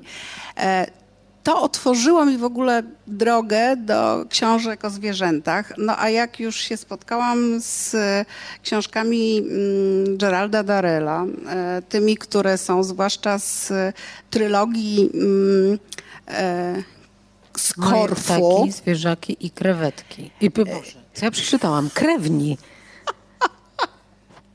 Dlaczego krewetki przeczytałam? Może... Krewetki są dobre, też, też są? pasują niesłychanie do tego tytułu. E, kolejna książka z tej serii to są Nasza, nasza rodzina i inne zwierzęta. Jak już Państwo słyszycie, w samym tytule jest ogromne poczucie humoru autora, bo jeśli ktoś mówi nasza zwierzęta i nasza nasza rodzina i inne mhm. zwierzęta. Bardzo progresywne podejście do osób tak, nieludzkich. ale też chcę pokazać, w jakim stanie jest ta książka, bo to jest książka, Zaczytana która... nieomal na śmierć. To jest książka, która leży e, zawsze koło mojego łóżka i ja ją czytam zawsze wtedy, kiedy potrzebuję być e, roz... może nie rozśmieszona, ale potrzebuję złapać oddech, potrzebuję złapać dystans, potrzebuję się pośmiać też i potrzebuję mieć coś blisko serca, on pisze o ludziach i o zwierzętach e, w wielu swoich książkach. Jest autorem kilkudziesięciu książek o zwierzętach właśnie, e, które, którymi się zajmował zarówno jako mały chłopiec, ale także przez całe dorosłe życie, zwożąc e, też ze świata, ratując zwierzęta z ginących gatunków po to, żeby one mogły, no niestety w warunkach ogrodów zoologicznych, ale jednak przetrwać jako gatunek. I pisze o tym książki, opowiada jak z różnych właśnie krajów świata i różnych e, rejonów e, przyrodniczych zwoził, e, czy też polował na te zwierzęta, czy tam je, dbał o nie w tych rejonach. I te zwierzęta są po prostu tam bohaterami. I to są zwierzę, zwie, to nie jest bohater literacki zwierzęcy, taki jak, nie wiem, no, tworzymy e, choćby tam, nie wiem, pompon w rodzinie fisiów. No pompon jest jednak e, nieludzkim gatunkiem. E, to są autentyczne zwierzaki, którym on daje osobowość, daje mm, zachowania, sposób myślenia, taki, który niekoniecznie jest ludzki, ale jest logiczny. Znaczy ja rozumiem, dlaczego to zwierzę tak się zachowuje, bo on tą in, interpretuje te zachowania tych zwierząt w takim mm, znaczeniu socjologicznym, że my rozumiemy, dlaczego te zwierzęta tak, a nie inaczej reagują, czy też wchodzą w jakieś interakcje. A jak często dla ciebie w ogóle literatura y, jest y, ucieczką, no właśnie ukojeniem, odejściem od y, od pracy, y, no a masz y, trudny wyjątkowo odcinek y, rzeczywistości, na którym pracujesz. I zastanawiam się, bo wiesz, to jest jakaś moja, moja myśl taka może bardzo stereotypowa, że, że dla ciebie książki są odpoczynkiem, nie wiem, ulgą, schronieniem. Są? Absolutnie. Gdybym miała wymienić na podium, co jest dla mnie takim rodzajem um, szukania um, spokoju, e, no to pi pierwszy Państwo tu widzieliście na kanapie, trochę się nudzi już, widzę, e, czyli pies Watson. E, drugi to obszar, który zawsze mi przynosił kojenie, to jest las i mm no, między innymi też obecność psa oczywiście, ale w ogóle las po prostu i przyroda. E, ja też mam swoje ukochane miejsce na świecie, które się nazywa Chorwacja i do którego rodzinnie też, e, z którym jestem rodzinnie związana, ale przede wszystkim no, jeździmy tam od ponad 20 lat, e, tyle ile się da. No ale na trzecim miejscu są, albo niezależnie od tego, na, trzech miejscach równoległych na podium są książki, mhm. które pozwalają złapać dystans, które pozwalają być tu i teraz, ale jednak być gdzie indziej. Mhm. No a skoro to Chorwacja, słuchaj, to musimy pogadać, bo Chorwacja to jest na przykład Wedrana Rudan, którą wpisałaś na listę, ale to jest też Dubrawka Ugresić, to są też inni wspaniali autorzy, bo Bałkany w ogóle to są, to, są, to jest świetna literatura. Tak. Um, Okej, okay, no to Wedrana Rudan, którą wpisałaś tutaj, jest autorką, chyba najlepiej jej w Polsce znaną jej książką jest Ucho, Gardło, Nóż, zresztą zaadaptowany do teatru przez Krystynę Jandę. No ale to jest y, książka, która jest krzykiem, monologowym krzykiem kobiety, która y, no, żyje w jakimś uwięzieniu, w, w, przemocy i po prostu to jest jej literacki wrzask. Zresztą książka bardzo taka, można powiedzieć, radykalna w, w formie, w, w, języku. Zresztą Rudan była chyba potraktowana w pewnym momencie jak czarownica. Zresztą Gresisz też to mają, e, to jest jakieś ich wspólne doświadczenie. Być na Bałkanach feministką no trzeba no właśnie, mieć trzeba mieć odwagę, tak. a cena jest dość, dość wysoka, bo to są jednak mhm. autorki dość, myślę, nie, no, na pewno jest im tam niełatwo. Gresisz już mieszka poza krajem od, e, od wielu lat. Ja wiem, za co kocham tę książkę, ale jestem ciekawa, za co, za co, za co ty. Um. Za co ja kocham w ogóle literaturę chorwacką? Ja mam to szczęście, że e, no właśnie w pewnym momencie swojego życia poznałam język chorwacki i czytam po chorwacku po prostu. To jest jeden z powodów, dla których jeżdżę na wakacje do Chorwacji już coraz mniejszą walizką, bo po prostu kompulsywnie wtedy kupuję książki, które w Chorwacji relatywnie są jeszcze droższe niż w Polsce, bo też jest to rynek czytelniczy, który jest po prostu mniejszy. E, literatura chorwacka ma mm, współczesna literatura chorwacka, od razu sobie to powiedzmy, ma te autorki, które są mocno feministyczne. No, jeśli mówimy o Wedranie Rudan, każda jej książka jest książką feministyczną, jest książką o przemocy wobec kobiet. Nawet jeśli to się nie dzieje jako przemoc taka w relacji, przemoc domowa, choć właściwie prawie każda z nich mm, opowiada o, o, jakimś rodzaju e, przemocy też domowej. to jest też doświadczenie autorki, co ona dość jasno tak. eksplikuje. To też to są bohaterki, które są uwikłane w taką systemową przemoc wobec kobiet, e, kulturową, kulturową. obyczajową, e, polityczną. No w każdym wymiarze ta przemoc, która się dzieje w przestrzeni publicznej, też taki rodzaj molestowania seksualnego, czy też e, no, w ogóle bycia grupą gorszą i gorzej traktowaną w różnych sytuacjach, no to jest i doświadczenie tych kobiet na Bałkanach, ale też to, o czym ona pisze to, to, co jest bardzo charakterystyczne, zwłaszcza dla kobiecej literatury chorwackiej, to jest to, że to jest bardzo dosadny język. Um, w żadnym języku, ja, ja, ja, nie znam wielu języków, ale nie znam żadnego języka, w którym by się tak pięknie przeklinało jak po chorwacku. Chorwaci bardzo dużo przeklinają. Mają długie te przekleństwa, prawda? Takie te przekleństwa zdania wielokrotnie złożone mogą to być. Są nawet. długie, ale też um, są, podobnie jak w języku polskim, są też takie słowa, które się wrzuca do, um, do zdania po to, żeby podkreślić różne um, tak ekspresyjne elementy w tym zdaniu. I ta, ta, literatura kobieca chorwacka w tej chwili jest taka bardzo mięsista. One piszą bardzo niedelikatnym, brutalnym językiem to y, no, podkreśla też ten rodzaj y, problemu, o których one piszą, ale też szukają swego miejsca w społeczeństwie, które jest bardzo e, maczystowskie po prostu. Bałkany w całości są jednak kulturą męską, e, gdzie kobiety e, mają świeże doświadczenia mm, przemocy seksualnej wojennej. To, to o czym słyszymy teraz przy okazji wojny na Ukrainie, przed 30 laty były doświadczeniami kobiet e, na Bałkanach, e, o których my tutaj e, półtora tysiąca kilometrów od tego kraju w ogóle nie myśleliśmy, nie zdawaliśmy sobie sprawy. Bałkany mają też świetnych męskich um, pisarzy. Mój ulubiony, czyli mm, Milenko Jergowicz, jest wspaniale wydawany w Polsce. Tak, i też bardzo, myślę, kochany i doceniany tutaj u nas. Absolutnie. Zresztą bywał częstym gościem w Polsce, nie wiem jak teraz, ale...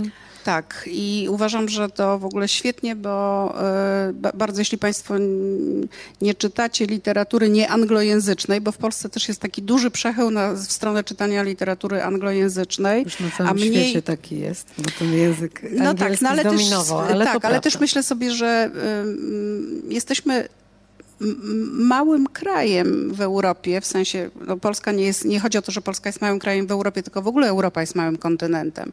Ma wiele krajów, w związku z tym, jeśli chodzi o literatury, to te literatury, które są wokół nas w Europie, są niesłychanie ciekawe, a my mamy wciąż taką tendencję do patrzenia do tych dużych literatur, właśnie e, amerykańskiej, w ogóle brytyjskiej, pisanej, że tak powiem, w różnych koloniach też brytyjskich, bo wydaje nam się, że to jest taka literatura, która jest no, wysokich lotów, a te pomniejsze są jakieś gorsze gatunkowo. Tymczasem to...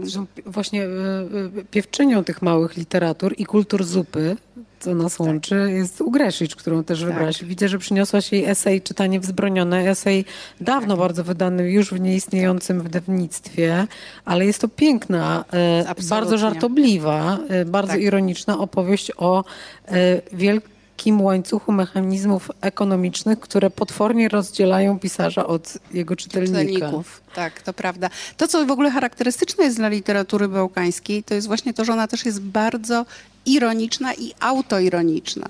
E, częściej e, się z taką, takim rodzajem ironii spotykam właśnie w literaturze, e, już przepraszam cię, wpuszczam tutaj, w literaturze bałkańskiej niż w innych literaturach, choć oczywiście... Obraził się. No tak, tak Obraził tak, się tak, na tak, te tak. książki. Mhm, niż w innych literaturach. To, to prawda, jest taka wyrazistość w nich, ale też dowcip. I to taka smutna konstatacja, ale w jakimś sensie yy, wojna na Bałkanach, ta ostatnia, zaowocowała i wspaniałą literaturą przez tak. dwie, trzy dekady i wspaniałym kinem które, zresztą tak. Aida chociażby y, całkiem, tak. całkiem niestety świeża i żywa y, opowieść nagradzana w, na różnych znakomitych festiwalach filmowych cały czas y, to udowadniają, że, że nie słabnie. Trochę osłabło zainteresowanie polskich wydawców przekładami i tą taką atencją, którą darzyli literaturę Bałkanów, ale tak. wydaje mi się, że książkowe klimaty i trochę wydawnictwo czarne jeszcze pilnują tego tego obszaru. Bardzo mi się miło z Tobą spotkać w tej miłości, bo ja się y, y, serbo-chorwackiego uczyłam chyba przez dwa lata raptem, ale y, była to wspaniała przygoda i bardzo Ci zazdroszczę tego, że możesz czytać w tym języku. To jest y, Absolutnie. E, kiedyś jechaliśmy do Chorwacji, ja byłam mocno przeziębiona. Moja przyjaciółka, która jechała drugim samochodem, cały czas mówiła, dojedźmy tam jak najszybciej. Niech ona usłyszy ten chorwacki, to ona od razu wyzdrowieje. I to naprawdę tak się stało. Po prostu ta pierwsza kawa pita, która rzeczywiście ma smak już bałkańskiej kawy i ten język, no po prostu uzdrawia. Wspaniale, zazdroszczę. No i fajnie mieć książki jako wehikuł, który przenosi do tego świata ukochanego, tak. jak akurat jest polski listopad i nie można tam, tam pojechać. Ale y, już skoro byłyśmy przy tych wątkach feministycznych, ja wiem, że ty przyniosłaś jeszcze tak. takie współczesne, dosyć ważne książki non-fiction, y, na które myślę fajnie by było zwrócić uwagę. Widzę, że masz tam, y, tam też tak, y, tak, takie książki. Tak których trochę jest głośno, w niektórych, myślę, że dla niektórych pań to są takie już oczywiste must ready, a dla niektórych może jeszcze nie opowiedziane, więc y, może, mo, może zechcesz Tak, ja tutaj stawiam powiedzieć. Państwu trzy książki, które, których dwie są książkami feministycznymi, a jedna jest książką napisaną przez męskiego autora, ale Czyli niewidzialne one... kobiety e, Caroline, nie, Karol, właśnie nie wiem czy Caroline, ale Criado Perez, e, Rebeka Solnit. Jak sądzę, Matka jest to, wszystkich pytań. E, Matka wszystkich pytań, czyli to jest książka o macie... Dobrze pamiętam? Ta jest o macierzyństwie? Tak. Ta jest o macierzyństwie. Ale podejrzewam, że wybrałaś tę książkę jako reprezentantkę pewnie innych tak, esejów. oczywiście. Rebeki oczywiście. Solnit i Tutaj nawet ja sama nie widzę.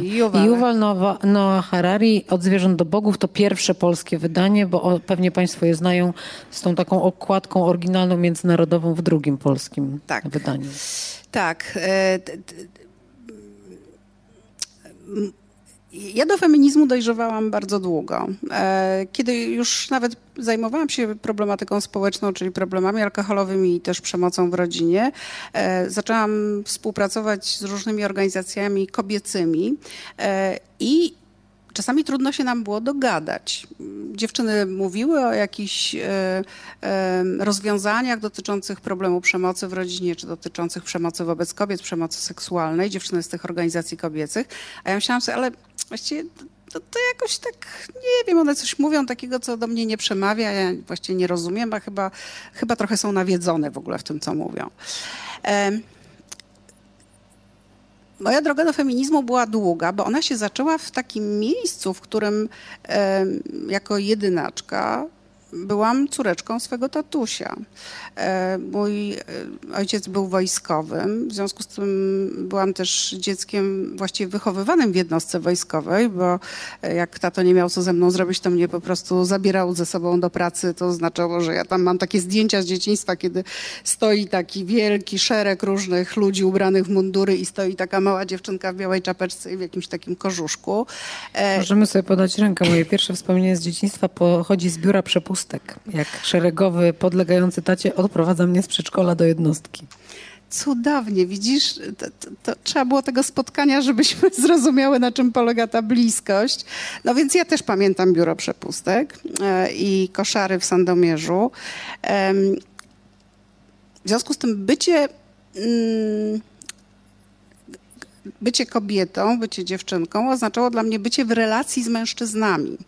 E, ja dobrze rozumiałam męski świat. E, tato mnie uczył wędkować, tato mnie uczył różnych rzeczy, jeździć samochodem, jeździć na motorze, no, różnych rzeczy ważnych jakby dla, do, do sięgania po dorosłość i niezależność uczyłam się jakby w tym męskim wydaniu. E, i zupełnie tego nieświadoma, oczywiście kompletnie nie miałam tego świadomości. Wchodząc w dorosłe życie, ja wchodziłam z takim męskim wzorcem tego życia, że bycie e, osobą ważną, osobą posiadającą władzę, osobą docenianą, to jest bycie w męskim wzorcu. Dużo czasu mi zajęło i zawdzięczam to wszystkim kobietom, którym bardzo dziękuję, które spotykałam na swojej drodze zawodowej, które mnie uczyły tego, że istnieją e, inne sposoby e, realizowania w ogóle swoich celów życiowych i że spojrzenie z, tych męskich butów e, jest zupełnie inne niż spojrzenie z żeńskich butów. To pozwoliło mi po pierwsze zacząć widzieć świat z innej perspektywy i mi otworzyło oczy na różne rzeczy, których kompletnie nie rozumiałam rozumiałam i wydawało mi się właśnie dziwne, ale jak je zobaczyłam z tej żeńskiej perspektywy feministycznej, także bardziej już nawet nie tyle kobiecej, co feministycznej, to one się stały bardziej zrozumiałe i właściwie często zazdroszczę mojej córce, która wchodzi w świat już też mając dostęp do takiej właśnie kobiecości, która e, widzi tą kobiecość nie tylko w relacji z mężczyzną, ale e, w, w, relacji z innymi kobietami, w relacji ze światem, ze zwierzętami, z ziemią, z naturą i ze, ze całym naszym otoczeniem. E, no i bardzo mi w tym też pomogło te wszystkie polecane przez moje starsze koleżanki feministyczne lektury, które się zaczęły pojawiać w Polsce. E, w tym między innymi te, które Państwo widzicie, które należą do tam szerokiego repertuaru książek pisanych przez te autorki czy inne autorki. One naprawdę tłumaczą różne rzeczy. Łącznie z, tego, dlaczego, e, łącznie z tym, dlaczego kobietom jest za zimno w biurowcach. I niewygodnie dlaczego, w samochodach. E, I niewygodnie w samochodach zawodach i dlaczego niektóre leki, e, które pomagają mężczyznom, szkodzą kobietom, e, no i tak dalej, i tak dalej. To naprawdę jest to bardzo ożywcza lektura. A czemu dołączyłaś tutaj Harariego? Dołączyłam tutaj Harariego, ponieważ mam wrażenie, że to jest pierwszy e, hmm, współczesny e, filozof, socjolog, historyk, który jest celebrytą. E, nie wiem, czy Państwo widzieliście, w ciągu ostatnich lat Harari był gościem szczytów Davos i wszystkich G5, G8, G12, wielkich szczytów światowych, e, ponieważ on pisze językiem, który jest w stanie zrozumieć każdy. Pisze o bardzo głębokich e, zmianach społecznych, poczynając od czasów prehistorycznych i projektując to, co się wydarzy w przyszłości, jako duże procesy mm, społeczne, ale przekładające się oczywiście na życie każdego z nas, ale pisze to językiem, który po prostu czyta się jak kryminał. To jest wciągające. Człowiek, ja często miałam takie doświadczenie, pewnie dzielone z Państwem, że są książki, które są bardzo słuszne, bardzo wartościowe i bardzo nudne. E, I trudno jest y, skupić uwagę, e, być cały czas obecnym, bo tyle nas rzeczy rozprasza, tutaj trzeba być obecnym w książce. No a są takie książki, że nie trzeba się skupiać, po prostu one ściągają uwagę. Harari należy do takich autorów. Ta książka i kolejne jego absolutnie są Mimo, czytadłami. Że one są jednak opowieściami o e, Homo sapiens jako seryjnym zabójcy, jednak jako o, o bycie bardzo agresywnym, przemocowym Bo taka jest też. Prawda. E, więc nie, nie, robi się lepiej od czytania tej lektury człowiekowi, ale po, po, podzielam twoje zdanie, że jest to trochę jak czytanie lektury sensacyjnej. Harari jest też od, e, autorem otoczonym wieloma kontrowersjami, bo, bo jego status też jakbyś ściągnął na niego krytykę i rozmaite dyskusje są prowadzone z, z treścią e, jego książek. Ale wiesz, ciekawe jest dla mnie, bo pokazałaś tutaj akurat z tych feministycznych lektur, to są jednak książki ostatnich lat. My w tej chwili żyjemy w takim bardzo wyraźnym trendzie. My nawet w Big Booku mamy sekcję Girl Power i tego typu eseje są rzeczywiście dość, dość dostępne i one nam objaśniają świat. Często, nie wiem, osobom już y, dorosłym jak ja, post factum tłumaczą, w jakim świecie ja wyrastałam i co mnie kształtowało w sposób często dla mnie zupełnie nieświadomy. Ale czy jak ty byłaś młodą dziewczyną, młodą kobietą, to w ogóle była jakaś taka książka, w której się można było złapać kobiecej siły. No, e, mówiłaś, mówiłaś o dzieciach z Bullerbyn. Pewnie nawet w Muminkach można się dopatrzeć takich treści, tak. jak się było przenikliwą mm, czytelniczką. Ale czy coś takiego e, co tak e, expressis verbis jakby pokazywało pozycję kobiet, jakakolwiek książka taka istniała wtedy, czy nie było takiego filara?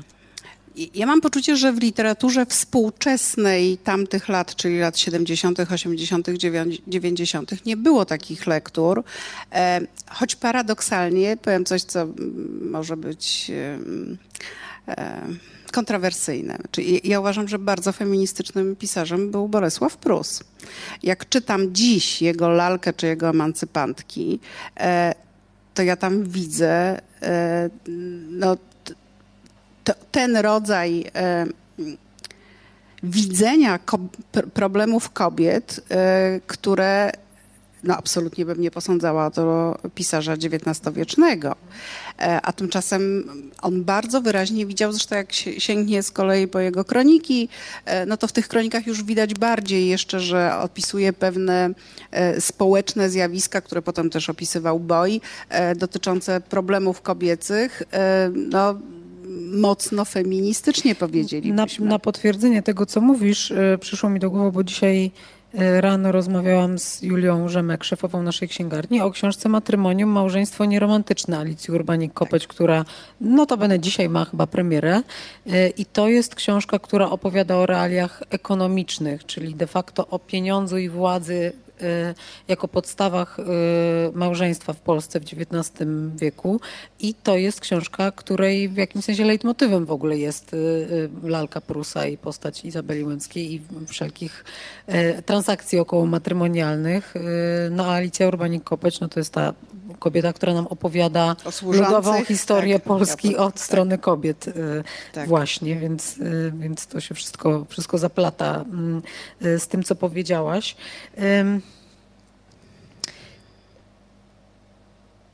Powiedziałyśmy y, o tym, że dużo jest i że to jest trend, za który ja na przykład jako czytelniczka jestem wdzięczna, że mamy taką eseistykę no właśnie fe feministyczną, która nam ten świat trochę inaczej y, objaśnia, ale jest też y, w tej chwili bardzo silny trend i bardzo wiele nowych książek, które jakoś opisują, próbują pomóc, przepraszam za sformułowanie, obsługują różne tematy związane z doświadczeniem rozmaitych kryzysów psychicznych, e, z doświadczeniami przemocy, agresji.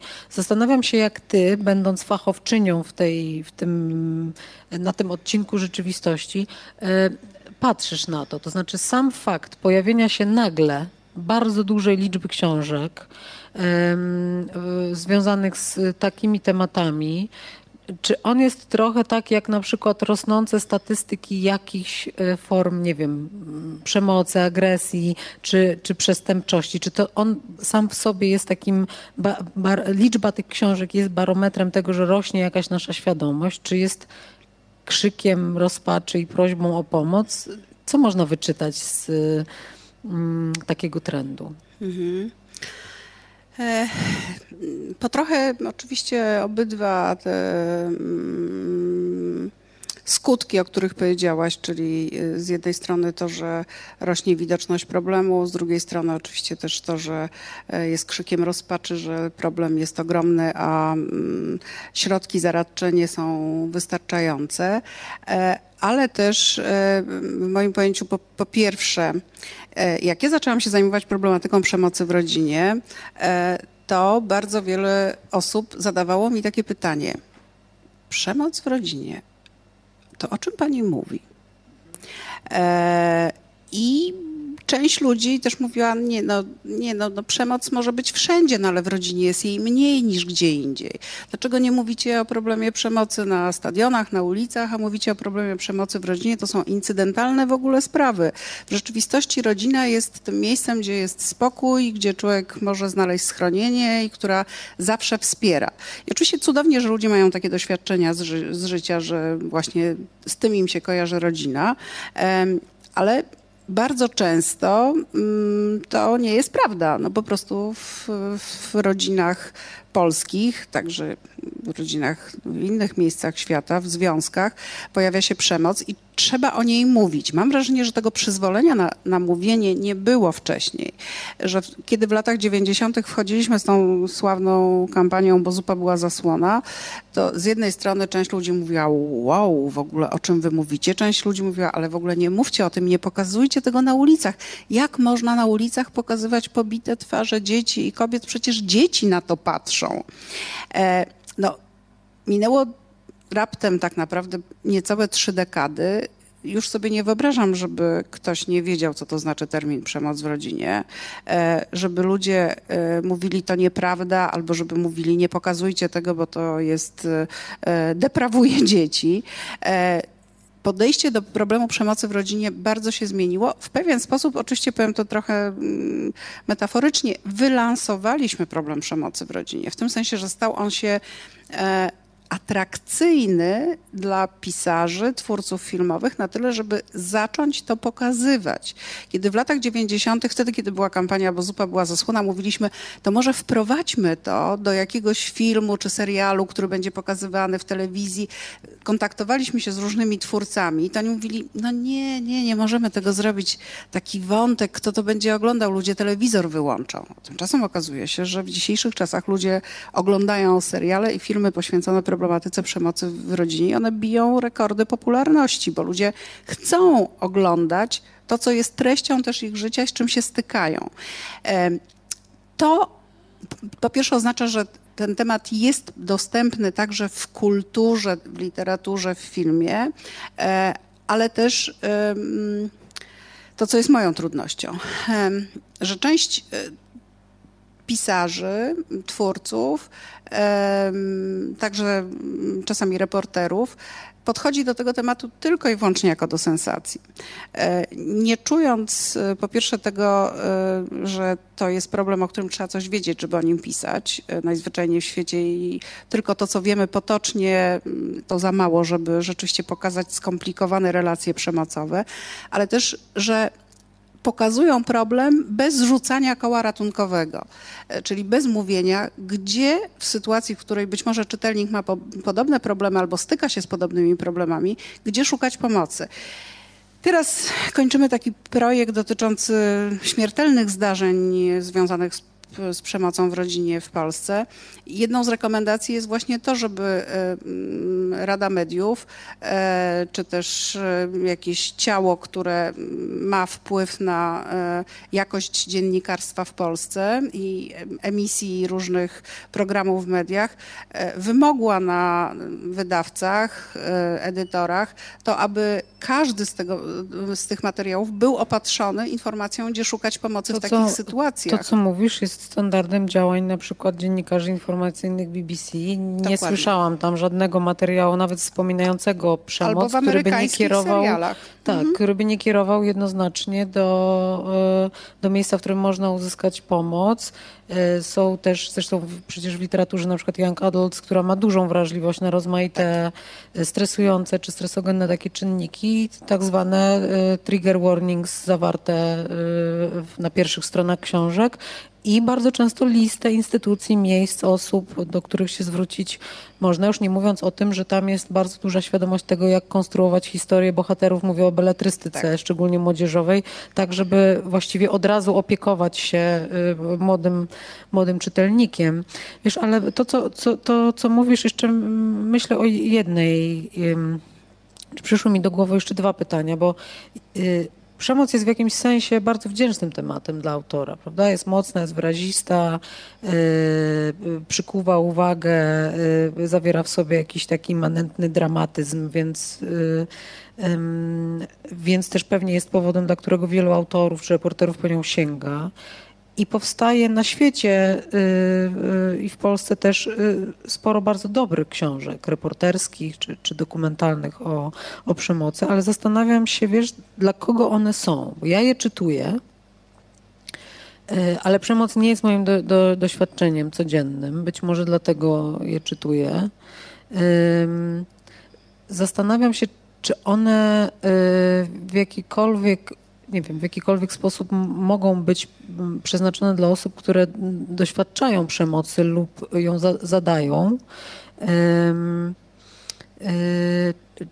czy ty znasz kogoś, komu taka lektura, nie wiem, pomogła, otworzyła oczy, otrzeźwiła? Czy to może tak zadziałać? To absolutnie tak działa. Wśród osób, które zajmują się tą problematyką zawodowo, e, wymieniamy się listami wartościowych lektur z tego zakresu, także beletrystyki, bo mm, e, jest to ważne dla naszych tak zwanych klientów czy klientek, czyli osób, które korzystają z pomocy na przykład niebieskiej linii, ale też innych miejsc pomocowych w Polsce, przychodzą na grupy wsparcia. Te panie między sobą się wymieniają tymi informacjami. Czytałam świetną książkę, przeczytajcie. Bohaterka jest bardzo prawdziwa, bohaterka przeżywa to, co ja. Ważne jest to, żeby na tym się nie kończyło. Innymi słowy, żeby ta książka nie była tylko opisem dramatycznej sytuacji, ale dawała czytelniczce nadzieję poprzez to, że nawet jeśli historia, która jest opisana, ma, nie wiem, dramatyczny finał, to znajduje tam właśnie ten appendix, który mówi, e, w takich sytuacjach możesz się zwrócić o pomoc do tych instytucji. Przeczytaj jeszcze takie lektury, które mogą ci pomóc w tej sytuacji, bo jeśli czytasz tą książkę, to znaczy, że jeszcze jesteś żywa, to znaczy, że ta przemoc jeszcze w twoim życiu nie zagarnęła wszystkiego łącznie z twoim życiem. E, ale żebyś lepiej sobie radziła, no możesz korzystać z tych kół ratunkowych, które my tutaj ci podsuwamy. Często też y, to mogą być książki, które dają nadzieję, czyli pokazują, że y, bohaterka wyszła z tej sytuacji, e, ale żeby to było prawdziwe, to pierwsze, po pierwsze te mechanizmy, które doprowadzają do tego uwięzienia w tej relacji przemocowej muszą być prawdziwe, czyli no, ktoś, kto to pisze, musi rozumieć tą sytuację, musi rozumieć, dlaczego ludzie dają się wpędzić w tą pułapkę i dlaczego w niej tkwią, e, no ale też musi mm, znać te mechanizmy, które mogą ją z tego wyzwolić, czyli mogą doprowadzić do tego, że, że tych czynników wyzwalających będzie coraz więcej, tak że aż w końcu rzeczywiście to wyzwolenie będzie możliwe. To są absolutnie książki, jeśli o to pytasz, dla osób, które mają ten problem, mają ten problem w bliskim otoczeniu, czyli mam przyjaciółkę, kuzynkę, sąsiadkę, kuzyna sąsiada, żeby też nie pozostać w stereotypie e, całkiem, że to zawsze jest ktoś, kto jest, ma płeć żeńską, to mogą być też e, mężczyźni. Więc chcę zrozumieć, z czym się boryka ta osoba, którą znam i dlaczego ona zachowuje się tak czasami irracjonalnie. No i wreszcie bardzo często też to są książki po prostu dla profesjonalistów, bo one pomagają e, zrozumieć w takim praktycznym wymiarze czasami rzeczy, które no, nie każdy jest profesjonalistą, psychologiem, który zajmuje się tylko ofiarami przemocy w rodzinie. Mogę zajmować się różnymi problemami jako psycholog, ale co któryś mój pacjent ma ten problem i czasami mogę go nie mhm. rozumieć, więc to też jest y, dla tych osób. Ja jeszcze pomyślałam o jednym kręgu odbiorców, bo, bo, bo przemoc zawsze ma świadków, często milczących i no, na, na przykład o tym bardzo mocno jest y, książka Katarzyny Włodkowskiej na oczach wszystkich. Tak, świetna zresztą. Tak najmocniejszych, jak... najtrudniejszych w lekturze nawet y, dla osób no, wiem, po, postronnych, tak powiedzmy, ale, ale y, jakoś też uświadamiająca, myślę bardzo, jak y, często my jakoś jesteśmy takimi biernymi, milczącymi uczestnikami ekosystemu, w którym, w którym przemoc może zajść i może bardzo długo trwać. Więc myślę o tym, że to jeszcze chyba jest jedno, e, jakby jeszcze jeden krąg, krąg rażenia takiej literatury. Tak. A to drugie pytanie, które mi przyszło do głowy, jest trochę z bardziej jasnego obszaru, bo ty na, na tej liście e, książek, którą mi przysłałaś przed tym, jak się dzisiaj spotkałyśmy, wskazałaś jeszcze takie książki, które trochę, trochę, trochę, trochę, trochę, trochę, to, to między innymi książki Lewina wskazałaś, tak? Psychologiczne książki, które, które tak. trochę pomagają zrozumieć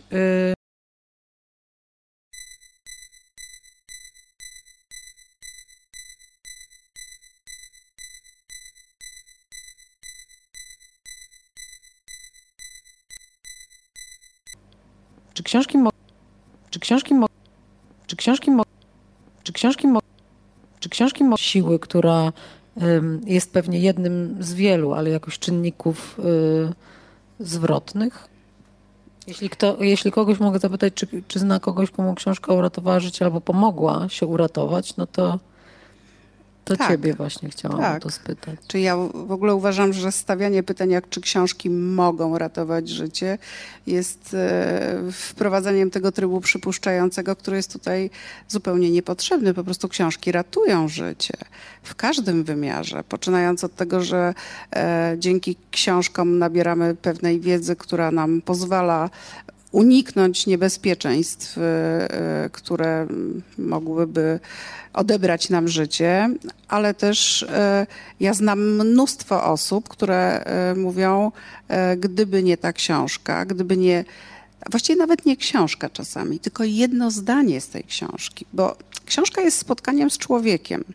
E, książka jest e, rodzajem rozmowy terapeutycznej, którą prowadzę ja jako autor z moimi czytelnikami. Każdy sobie z tego weźmie co innego, ale tak jest też w normalnych, realnych rozmowach, że jeśli rozmawiam z różnymi ludźmi, to nawet jeśli temat jest ten sam, to każdy z tych moich wypowiedzi na jakiś temat weźmie jakieś inne zdanie i mogę to powiedzieć mm, jako mm, zupełnie autentyk, że ja spotykam często osoby, które mówią mi, e, to, co pani wtedy powiedziała, to uratowało moje życie, albo to było zdanie, które już zawsze ze mną zostanie. Ja tego zdania nie pamiętam i nie jestem w stanie z tej rozmowy, pamiętam rozmowę, pamiętam osobę, nie pamiętam tego zdania. Dlaczego to zdanie? No bo to zdanie jakoś trafiło w taki punkt y, potrzeb w tej osobie, w którym y, no, było tym lekiem, który był potrzebny, żeby ta rana tam mogła zacząć się goić. W tym sensie książka zawsze jest rozmową między dwojgiem ludzi e, i e, no, trzeba trafić na swoją książkę, ale zawsze jest taka książka, z której to zdanie e, zostanie ze mną już na zawsze, albo e, kliknie w mojej głowie tak, że pomyślę sobie, ja rozumiem teraz, co się ze mną dzieje. E, dla mnie, jeśli chodzi o też moje własne rozumienie różnych emocji, które mi w życiu towarzyszyły, albo moich wyborów, które mi w życiu towarzyszyły, każdy z nas no właśnie staje na rozstaju, idę tą drogą czy tamtą każdego dnia to, to są jednak te książki, które spotkałam w obszarze też życia psychologicznego, swojego w sensie zawodowego, e, mówiące o, o traumie, mówiące o przekazywaniu też e, traum międzypokoleniowo. To jest taki zupełnie nowy rodzaj jakby psychologii, która jest bardziej bliska też już neurologii, temu, co sobie tam hodujemy w genach cały czas, nie wiedząc, co w tym genie tam siedzi, choć rzeczywiście, jak mówi popularne przysłowie, genu nie wydłubiesz, w związku z tym też nie wydłubiesz z niego pewnego losu poprzednich pokoleń, które się odzwierciedla. E, ja często widzę w osobach, z którymi się kontaktuję zawodowo, te traumy, które są nie z tego życia. To są traumy z wojny, sprzed wojny, z poprzednich pokoleń, także z pokoleń kobiet, które bywały jako w ogóle pokolenia całe kobiet w opresyjnych sytuacjach, e, te, o których pisze pani Kopeć, ale też o tysiącu innych e, kobiet, które przeżyły wojnę, czy, czy po wojnie e, mierzyły się z biedą, z niedostatkiem, z opresją polityczną i z tym, co się działo w ich rodzinach. I często trzeba poczekać trzy pokolenia, żeby ktoś to opisał. To Często właśnie, gdybyśmy rozumieli, jaki to ma wpływ na kolejne pokolenia, to może dałoby się to szybciej zatrzymywać, zamiast czekać te trzy pokolenia. Choć z drugiej strony właśnie no, współczesna psychologia mówi też o tym, że bardzo dużo mamy potem po swoich babciach, bo bo jedyny moment, kiedy trzy pokolenia kobiet się ze sobą spotykają, to jest wtedy, kiedy babcia jest w ciąży z naszą mamą, a my tam już jesteśmy jako potencjał mhm. życia, jako komórki. No i to życie tej babci, że tak powiem, jest też naszym życiem i niesiemy go w sobie kompletnie, nie mając tego świadomości. Te, te książki, które mm, dotyczą właśnie e, traum międzypokoleniowych. E, jedna z książek, która nosi nawet tytuł Nie zaczęło się od ciebie. Często ludzie latami chodzą na terapię, bo terapia dotyczy ich życia, a w rzeczywistości to, co wnoszą na terapię, to wnoszą historię życia swoich mam, babć, prababć, jakichś osób z rodziny, Y, no i dopóki do tego nie dojdziemy, to można tak na tej kozetce do emerytury. Myślę, że mówisz też o czymś y, takim, co jest bardzo typowe dla kultury współczesności, która z jednej strony obciąża nas indywidualnie, jednostki, e, odpowiedzialnością za rozwiązanie jakiegoś kłopotu, innym takim wymiarem jest na przykład e, są zmiany klimatyczne. No ja jednak zakręcając wodę w kranie przy myciu zębów nie uratuję świata, choć e, no, żyjemy właśnie w takim świecie, który bardzo dużą odpowiedzialność za ogromne, bardzo złożone procesy przekłada na, na, na, tak. na nasze pojedyncze mózgi i serca, a, a, z tego co mówisz, no to jest jakby kolejny obszar zjawisk złożonych, kulturowych, międzypokoleniowych i historycznych. E, też sobie myślę o tym, że literatura jest tutaj takim e, niezłym bandażem i ta literatura, o której ty powiedziałaś na przykład w książkach Lewina, ale właśnie te książki Urbanik Kopej czy Kacpra Powłockiego, które nas tak. dopiero dzisiaj cucą do świadomości, że my żyjemy w społeczeństwie bardzo dotkniętym rozmaitymi formami przemocy i uprawiającym tę przemoc wciąż. Więc te, też sobie myślę o tym, że, że właśnie literatura nam wyświetla dość dobrze takie szerokie tło, na którym się te nasze y, pojedyncze losy Też myślę, że wiesz, tak naprawdę tam, gdzie mm, ludzie mają problemy, a nie mają dostępu do nie wiem, psychologa czy terapeuty, e, książka może zastąpić mhm. ten kontakt terapeutyczny, czy no, po to, żeby lepiej zrozumieć swoją sytuację, no, potrzebuje drugiego człowieka, ale też jeśli nie ma takiej możliwości, to jednak sporo mogę e, czerpać od tych ludzi, którzy do mnie mówią słowem pisanym. Czyli książka też przyjaciel prawda? Y, tak sobie Watson już śpi. Ja myślę, że mogłybyśmy gadać do rana, tak y, to czuję. Pewnym dramatem tego cyklu jest to, że nigdy nie udaje się opowiedzieć o wszystkich książkach, które gość wybrał i przyniósł, ale ja zawsze składam obietnicę, którą prawie zawsze której prawie zawsze dotrzymuję. Czyli ja zrobię zdjęcia tych książek, które Renata przyniosła i taką listę kompilującą e, to, to, ten twój spis z tym, co naprawdę tutaj się zadziało, e, umieścimy pod, pod nagraniem tego spotkania, żeby Państwo mogli e, skorzystać z tych drogowskazów i poczytać z Renatą Durdą. Ale na zamknięcie chciałam Cię jeszcze zapytać, bo tylko musnęłaś Wisławę Szymborską. A ja o, chciałam tak. cię zapytać o, y, o, potrzebę, o potrzebę poezji y, w życiu twoim i ile jest y, miejsca na, na nią? No ja chcę powiedzieć, że ona tutaj nie jest w samotności, bo ja jej do pary dobrałam... O, William. William e, dorósł też, do tak, naszej noblistki. Tak. E, Szekspira. Mm, bo chcę Jeszcze powiedzieć, wpisałaś Świerszczyńską na przykład na listę. Wpisałam Świerszczyńską na listę. No jest tam całe mnóstwo mm, poetek i poetów, których e, e, wierszy uczyłam się na pamięć, e, bo tego trzeba było się nauczyć w szkole, ale też dlatego, że e, były takie wiersze, które no po prostu musiały być w pamięci, bo musiały być na każde zawołanie, a nie tylko wtedy, kiedy się A jakbyś nie miała dobrych czyta. polonistek i nie studiowała polonistyki, to myślisz, że czytywałabyś poezję? Czy, czy byłabyś jednym z nas, że tak powiem, ludzi, którzy zawsze mają jakiś rodzaj e, nie wiem, wstydliwości, pokory, e, czegoś, co każe myśleć, że poezja to nie dla mnie. Ja jestem z tego pokolenia, w którym jeśli chciało się pewne rzeczy mieć na własność, w sensie właśnie na przykład, żeby mieć jakieś e, cytaty albo jakieś fragmenty z książki, e, to się nie wyciągało smartfona i nie robiło się foty, co teraz pewnie większość z nas robi, ja też. Jak trafiam w książce na jakiś e, szczególnie wbijający mi się w głowę albo w serce cytat, to po prostu wyciągam telefon, robię zdjęcie. Ale w moich czasach dorastania prowadziło się takie zeszyty. Kupowało się zeszyt i w tym zeszycie były a to przepisane wiersze jakieś, a to właśnie jakieś cytaty, a to jakieś wiem, wycięte z gazety zdjęcie, które było szczególnie szczególnie piękne, albo jesienny liść zasuszony, czy cokolwiek innego, co tam człowiekowi było potrzebne do tego, żeby e, dusza się czymś karmiła, bo poza karmieniem ciała trzeba jeszcze czasami nakarmić duszę, co e, okazuje się dużo bardziej um, karmiące niż to, co jadamy. Um, i myślę, że znaczy, u mnie tam się w tych zeszytach moich te wiersze pojawiały, zanim moje polonistki zaczęły te wiersze omawiać, więc pewnie to jest jakiś rodzaj potrzeby duszy, e, który mi towarzyszył. Ja zresztą w ogóle jestem osobą dosyć e, wrażliwą na język.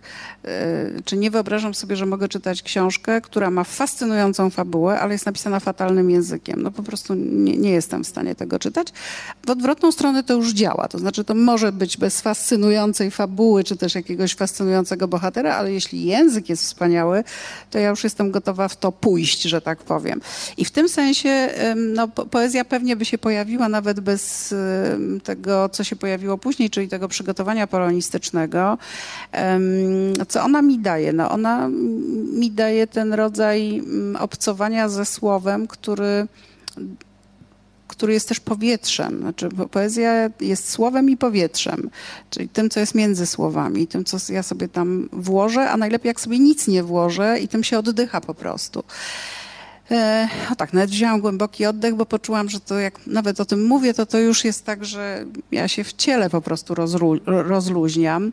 E, I w tym sensie nawet ten e, wiekowy Szekspir i równie wiekowy pan Tadeusz z jego trzynastozgłoskowcem i bardzo współczesna Szymborska w sensie rozumienia świata i opisywania ludzkich doświadczeń czy, czy, czy ludzkich potrzeb jest właśnie tym obcowaniem ze słowem, które ma duże przerwy między słowami, czyli ma, ma, ma, ma, ma wzięcia tego do siebie w tej metaforze, w takiej, której człowiek potrzebuje.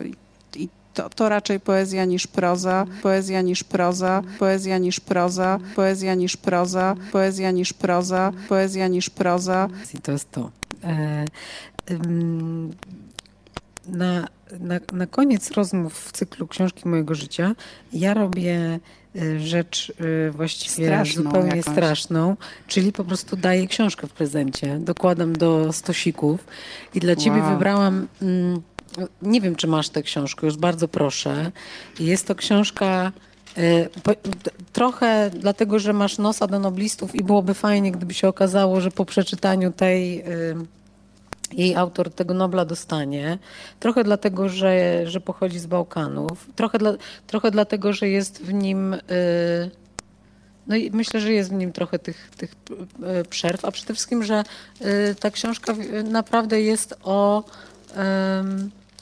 Również o schronie Nomen Omen i to jest Georgi Gospodinow nie masz schronu przeciwczasowego. Wspaniale. Jest nie to mam, egzemplarz sygnowany znam. przez autora, który był naszym gościem y, na Big Book tak. Festiwalu. Tak, ja pokażę I, y, Państwu, bo ja to potem obmacam, są, ale Państwo sobie zobaczcie. Są takie głosy, że nadaje się chłopak na noblistę, także mam, mam po prostu nadzieję, że on ci sprawi trochę frajdy i pozwoli gdzieś się schować, bo ta książka w zasadzie jest filozoficzną y, ucieczką i odpoczynkiem. A za wszystkie dziękuję Twoje bardzo. opowieści dzisiaj ja Tobie bardzo dziękuję i Państwu za, e, za bycie z nami. A, Watsonowi, co Ty na to, Watsonie, na to wszystko? zasnął e, absolutnie Usnął. snem no, czyli sprawiedliwego. Dobrze, czyli e, dobrze było, ale człowiek nie pies i czytać musi. E, I ja teraz będę robić zdjęcia tym wszystkim książkom, a Państwu dziękuję. Ja powiem, że u nas w domu nawet pies czyta. Ja, ja bym na takiego wyglądał. E, absolutnie. Poprzednie nasze zwierzęta domowe, e, czyli członkowie rodziny, którymi były kolejno dwa króliki, a wdzięcznym imieniu Rupert, był Rupert pierwszy i Rupert drugi, też czytały. Zębami? Głównie na szczęście okładki. No to ja miałam bardzo podobną sytuację. Może tak mają psy y, i zwierzęta osób kochających czytanie, że też muszą uszczknąć y, trochę tego świata. Bardzo Ci dziękuję. Renata ja Durda, Paulina Wilk, żegnamy się, dziękujemy bardzo. Dziękuję. A ja zapraszam właściwie na kolejne spotkanie z tego cyklu y, trochę szybciej niż zwykle, bo pomieszały się samoloty pomieszały się terminy i już za kilka dni gościem kolejnej takiej y, rozmowy o kochaniu czytania będzie dr Szymon Drobniak, biolog ewolucyjny. Do zobaczenia. Dziękujemy. Big Book Cafe to Centrum Innowacji Literackich założone przez Fundację Kultura Nieboli. Tworzymy 200 wydarzeń w roku. Prowadzimy wege kawiarnię i księgarnię pełną dobrych książek. Big Book Cafe. Żyjemy czytaniem.